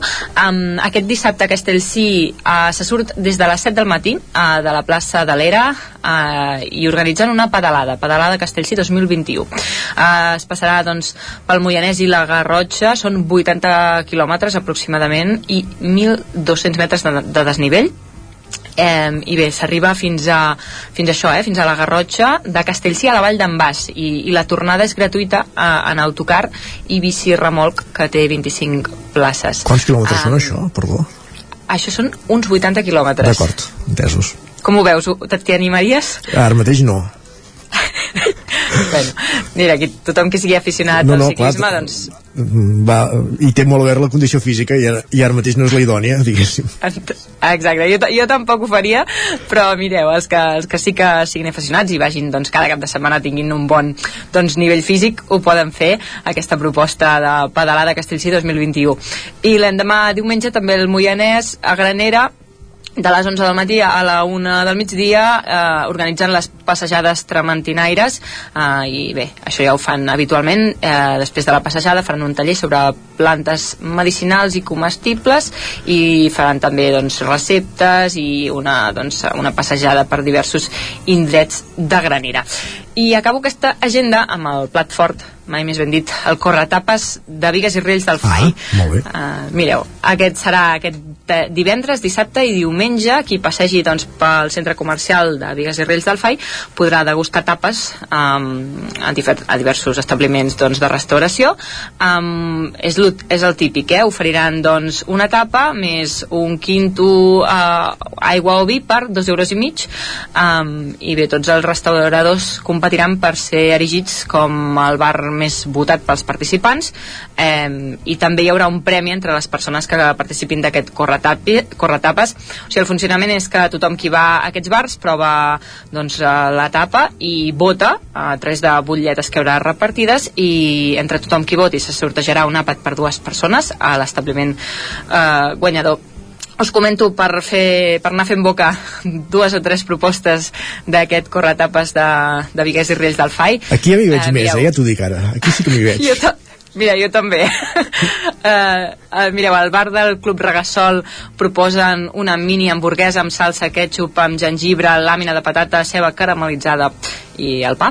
Uh, després també tenim el bar Gaudeix, una torrada de sobrassada ibèrica amb ou de guatlla, uh, o per exemple el bar Torrecollons que farà una crep salada i un ravioli cruixent. Al web de l'Ajuntament teniu els horaris, eh, perquè no, hi ha unes hores concretes que ofereixen doncs, totes aquestes tapes i, i hi ha- n'hi ha d'altres propostes, tot això doncs, ho podeu trobar al web municipal. Perfecte, Caral.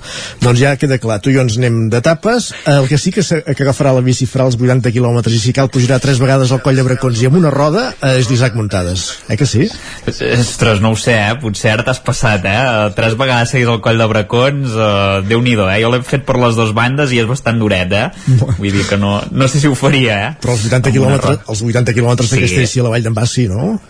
I tant, i tant, Molt sí, bé. sí. No en tinc cap dubte. Doncs va. Uh, aquí al Ripollès, a veure, tenim algunes coses. Primer de tot, dir-vos que un acte cultural que us vaig comentar dimecres canvia d'hora, és el de Manel Fuentes, d'aquí Ah, de Sant. Joan de les Abadeses. Sí, que és, és important, eh, passa a fer-se a les 10 de, de la nit, eh? això ho van uh, dir ahir des del SET Teatre Centre i, i canviem doncs aquest horari. I passant purament a l'oci, aquest cap de setmana tenim tres propostes, bàsicament. Uh, continuen les fires d'animals al Ripollès, que ja és una tradició per, a, per aquest mes d'octubre. Aquest diumenge se celebrarà la desena edició del concurs comarcal del cavall pirinenc català al Camp de Toro de Llanàs, al costat de la carretera de Camprodon, i a partir de les 9 del matí hi haurà un esmorzar popular. A les 10 començarà el concurs, on aquest any doncs, hi ha la categoria de sobrany i sobranya, terçó i terçona, euga i cria, quartons, que em sembla que és una categoria que s'incorpora aquest any per als animals doncs, que tenen 4 anys, eh, els terçons 3 anys, els sobranys 2, quartons 4 i la de semental. Eh, hi haurà servei de bar i de restauració de carn de poltre al llarg de tota la jornada, evidentment. Eh, aquí comentàveu eh, fires relacionades amb la cervesa que us hi veia un mes, doncs també n'hi ha No, amb les Ripoll. tapes. Hem, hem dit amb les amb les tapes. tapes, amb les tapes, però La bueno, cervesa li has afegit tu. Sí, aquí, aquí s'hi afegeix. Uh, a Ripoll, uh, un parell d'activitats d'òcia. Hi ha el Birrafest a la Devesa del Pla a les 6 de, de la tarda uh, fins a la 1 de la matinada. Uh, i bé, es pot uh, fer una reserva d'una taula per un màxim de 10 persones a través de- d'un missatge directe al compte d'Instagram de, del Birrafest, indicant el nombre de persones i, i el nom de la reserva i allà hi haurà cervesa tradicional, food trucks i música doncs, que podeu combinar amb les tapes que, que comentàveu Uh -huh. i per acabar, eh, una cosa més eh, reposada, aquest divendres, avui mateix, una xerrada a les 6 de la tarda a la Biblioteca Lambert Mata sobre el gat fer, i allà també hi ha una exposició que es podrà veure des d'avui fins al 5 de novembre d'aquest animal, els dilluns, eh, de dilluns, dimecres i divendres de 9 a 1 i els dilluns a divendres de dos quarts de 4 de la tarda a les 8 del vespre. Molt bé, doncs moltes gràcies Isaac per fer-nos aquest cop d'ull a l'agenda del Ripollès, bon cap de setmana també i acabem els estudis del 9FM amb, amb Miquel R. Bon dia Miquel. Molt bon dia. I Osona què ens depara?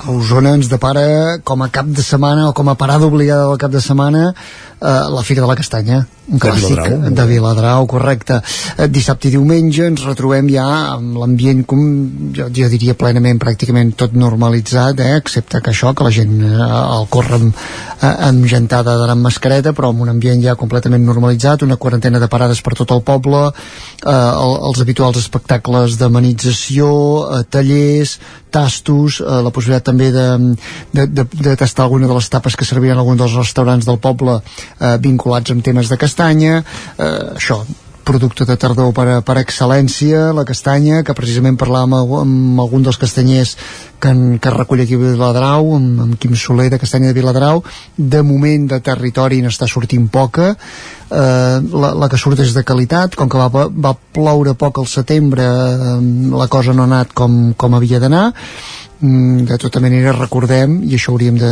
de tots plegats de reflexionar-hi que eh, el consum de castanya diguéssim de territori encara és molt molt molt ínfima, estem parlant d'un o 2% de la que es consumeix a tot Catalunya la majoritàriament ens prové doncs de Galícia, de Galícia i llavors també de la Xina, de Bulgària però la del, la del Montseny no tant per tant la que comprarem a Viladrau serà de Viladrau, això la sí. que comprarem a Viladrau serà majoritàriament de Viladrau, evidentment. Molt bé, Fira de la Castanya Viladrau, tenim més recuperacions, eh? com, com anem recuperant, diguéssim, tot el calendari firal. A Montesquieu hi ha la Fira de la Nou, també, novena edició. Uh -huh. eh, en aquest cas, no perquè hi hagi, sí que hi ha a una banda de, de, del castell, poder hi ha un, algunes nogueres, però no, no perquè hi hagi un vincle especial, va néixer aquesta fira, però sí que gira entorn de la nou, podem trobar para, alguna parada de nous, però bàsicament hi haurà també això, no? ambient, animació infantil, eh, algunes propostes de tallers per, per, un, per un públic familiar, i aquest any com a novetat hi haurà una rossada popular, podràs menjar de rossada, algun altre any hi havia etapa, sembla que la rossada també els hi permetrà una, és una manera d'enganxar més públic i que la estem, gent... estem fent un menú avui, hem parlat de formatges la, la Caral ens parlava de tapes l'Isaac de cerveses i ara hi ha una rossada que, Uh, teca, teca és el que mou la gent eh? Uh, mira, uh, parlaves de cerveses també hi haurà aquest, ves, aquest dissabte al vespre a Sant Quirze la tercera edició de l'Octoberfest eh, que Mhm. munta diguéssim la comissió de joves els anem tard, per tant qui vulgui tastar cerveses diguéssim un Oktoberfest a la catalana perquè bàsicament hi haurà cerveses d'aquí doncs això, des de les 5 de la tarda fins a quarts d'una de la nit que tregui el cap al, al pavelló de Sant Quirze. Tornem, eh, amb teca o, o, o com ens alimentem.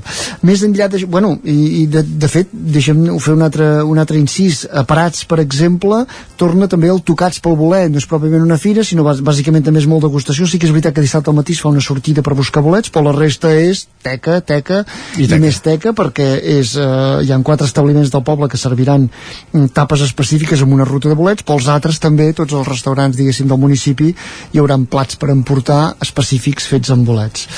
Eh, referència a cultura popular Ràpidament, sí. ràpidament a Ceba que acull l'elecció de la Pobilla i l'Hereu de Catalunya per tant això serà diumenge el moment de, diguéssim, la proclamació a les 12 del migdia si voleu treure el cap, un bon moment per saber com es manté encara aquesta tradició Perfecte, Miquel, moltíssimes gràcies. Bon cap de setmana. Bon cap de setmana. També hem repassat l'agenda al cap de setmana a Osona i acaba el territori 17. Som divendres, acabem setmana. Us hem acompanyat des de les 9 del matí Isaac Muntades, Caral Campàs, Pep Acosta, David Oladell, Guillem Sánchez, Guillem Rico, Jaume Espuny, Òscar Muñoz, Miquel R, Jordi Sunyer i Isaac Moreno. Tornem dilluns a la mateixa hora. Molt bon cap de setmana a tothom.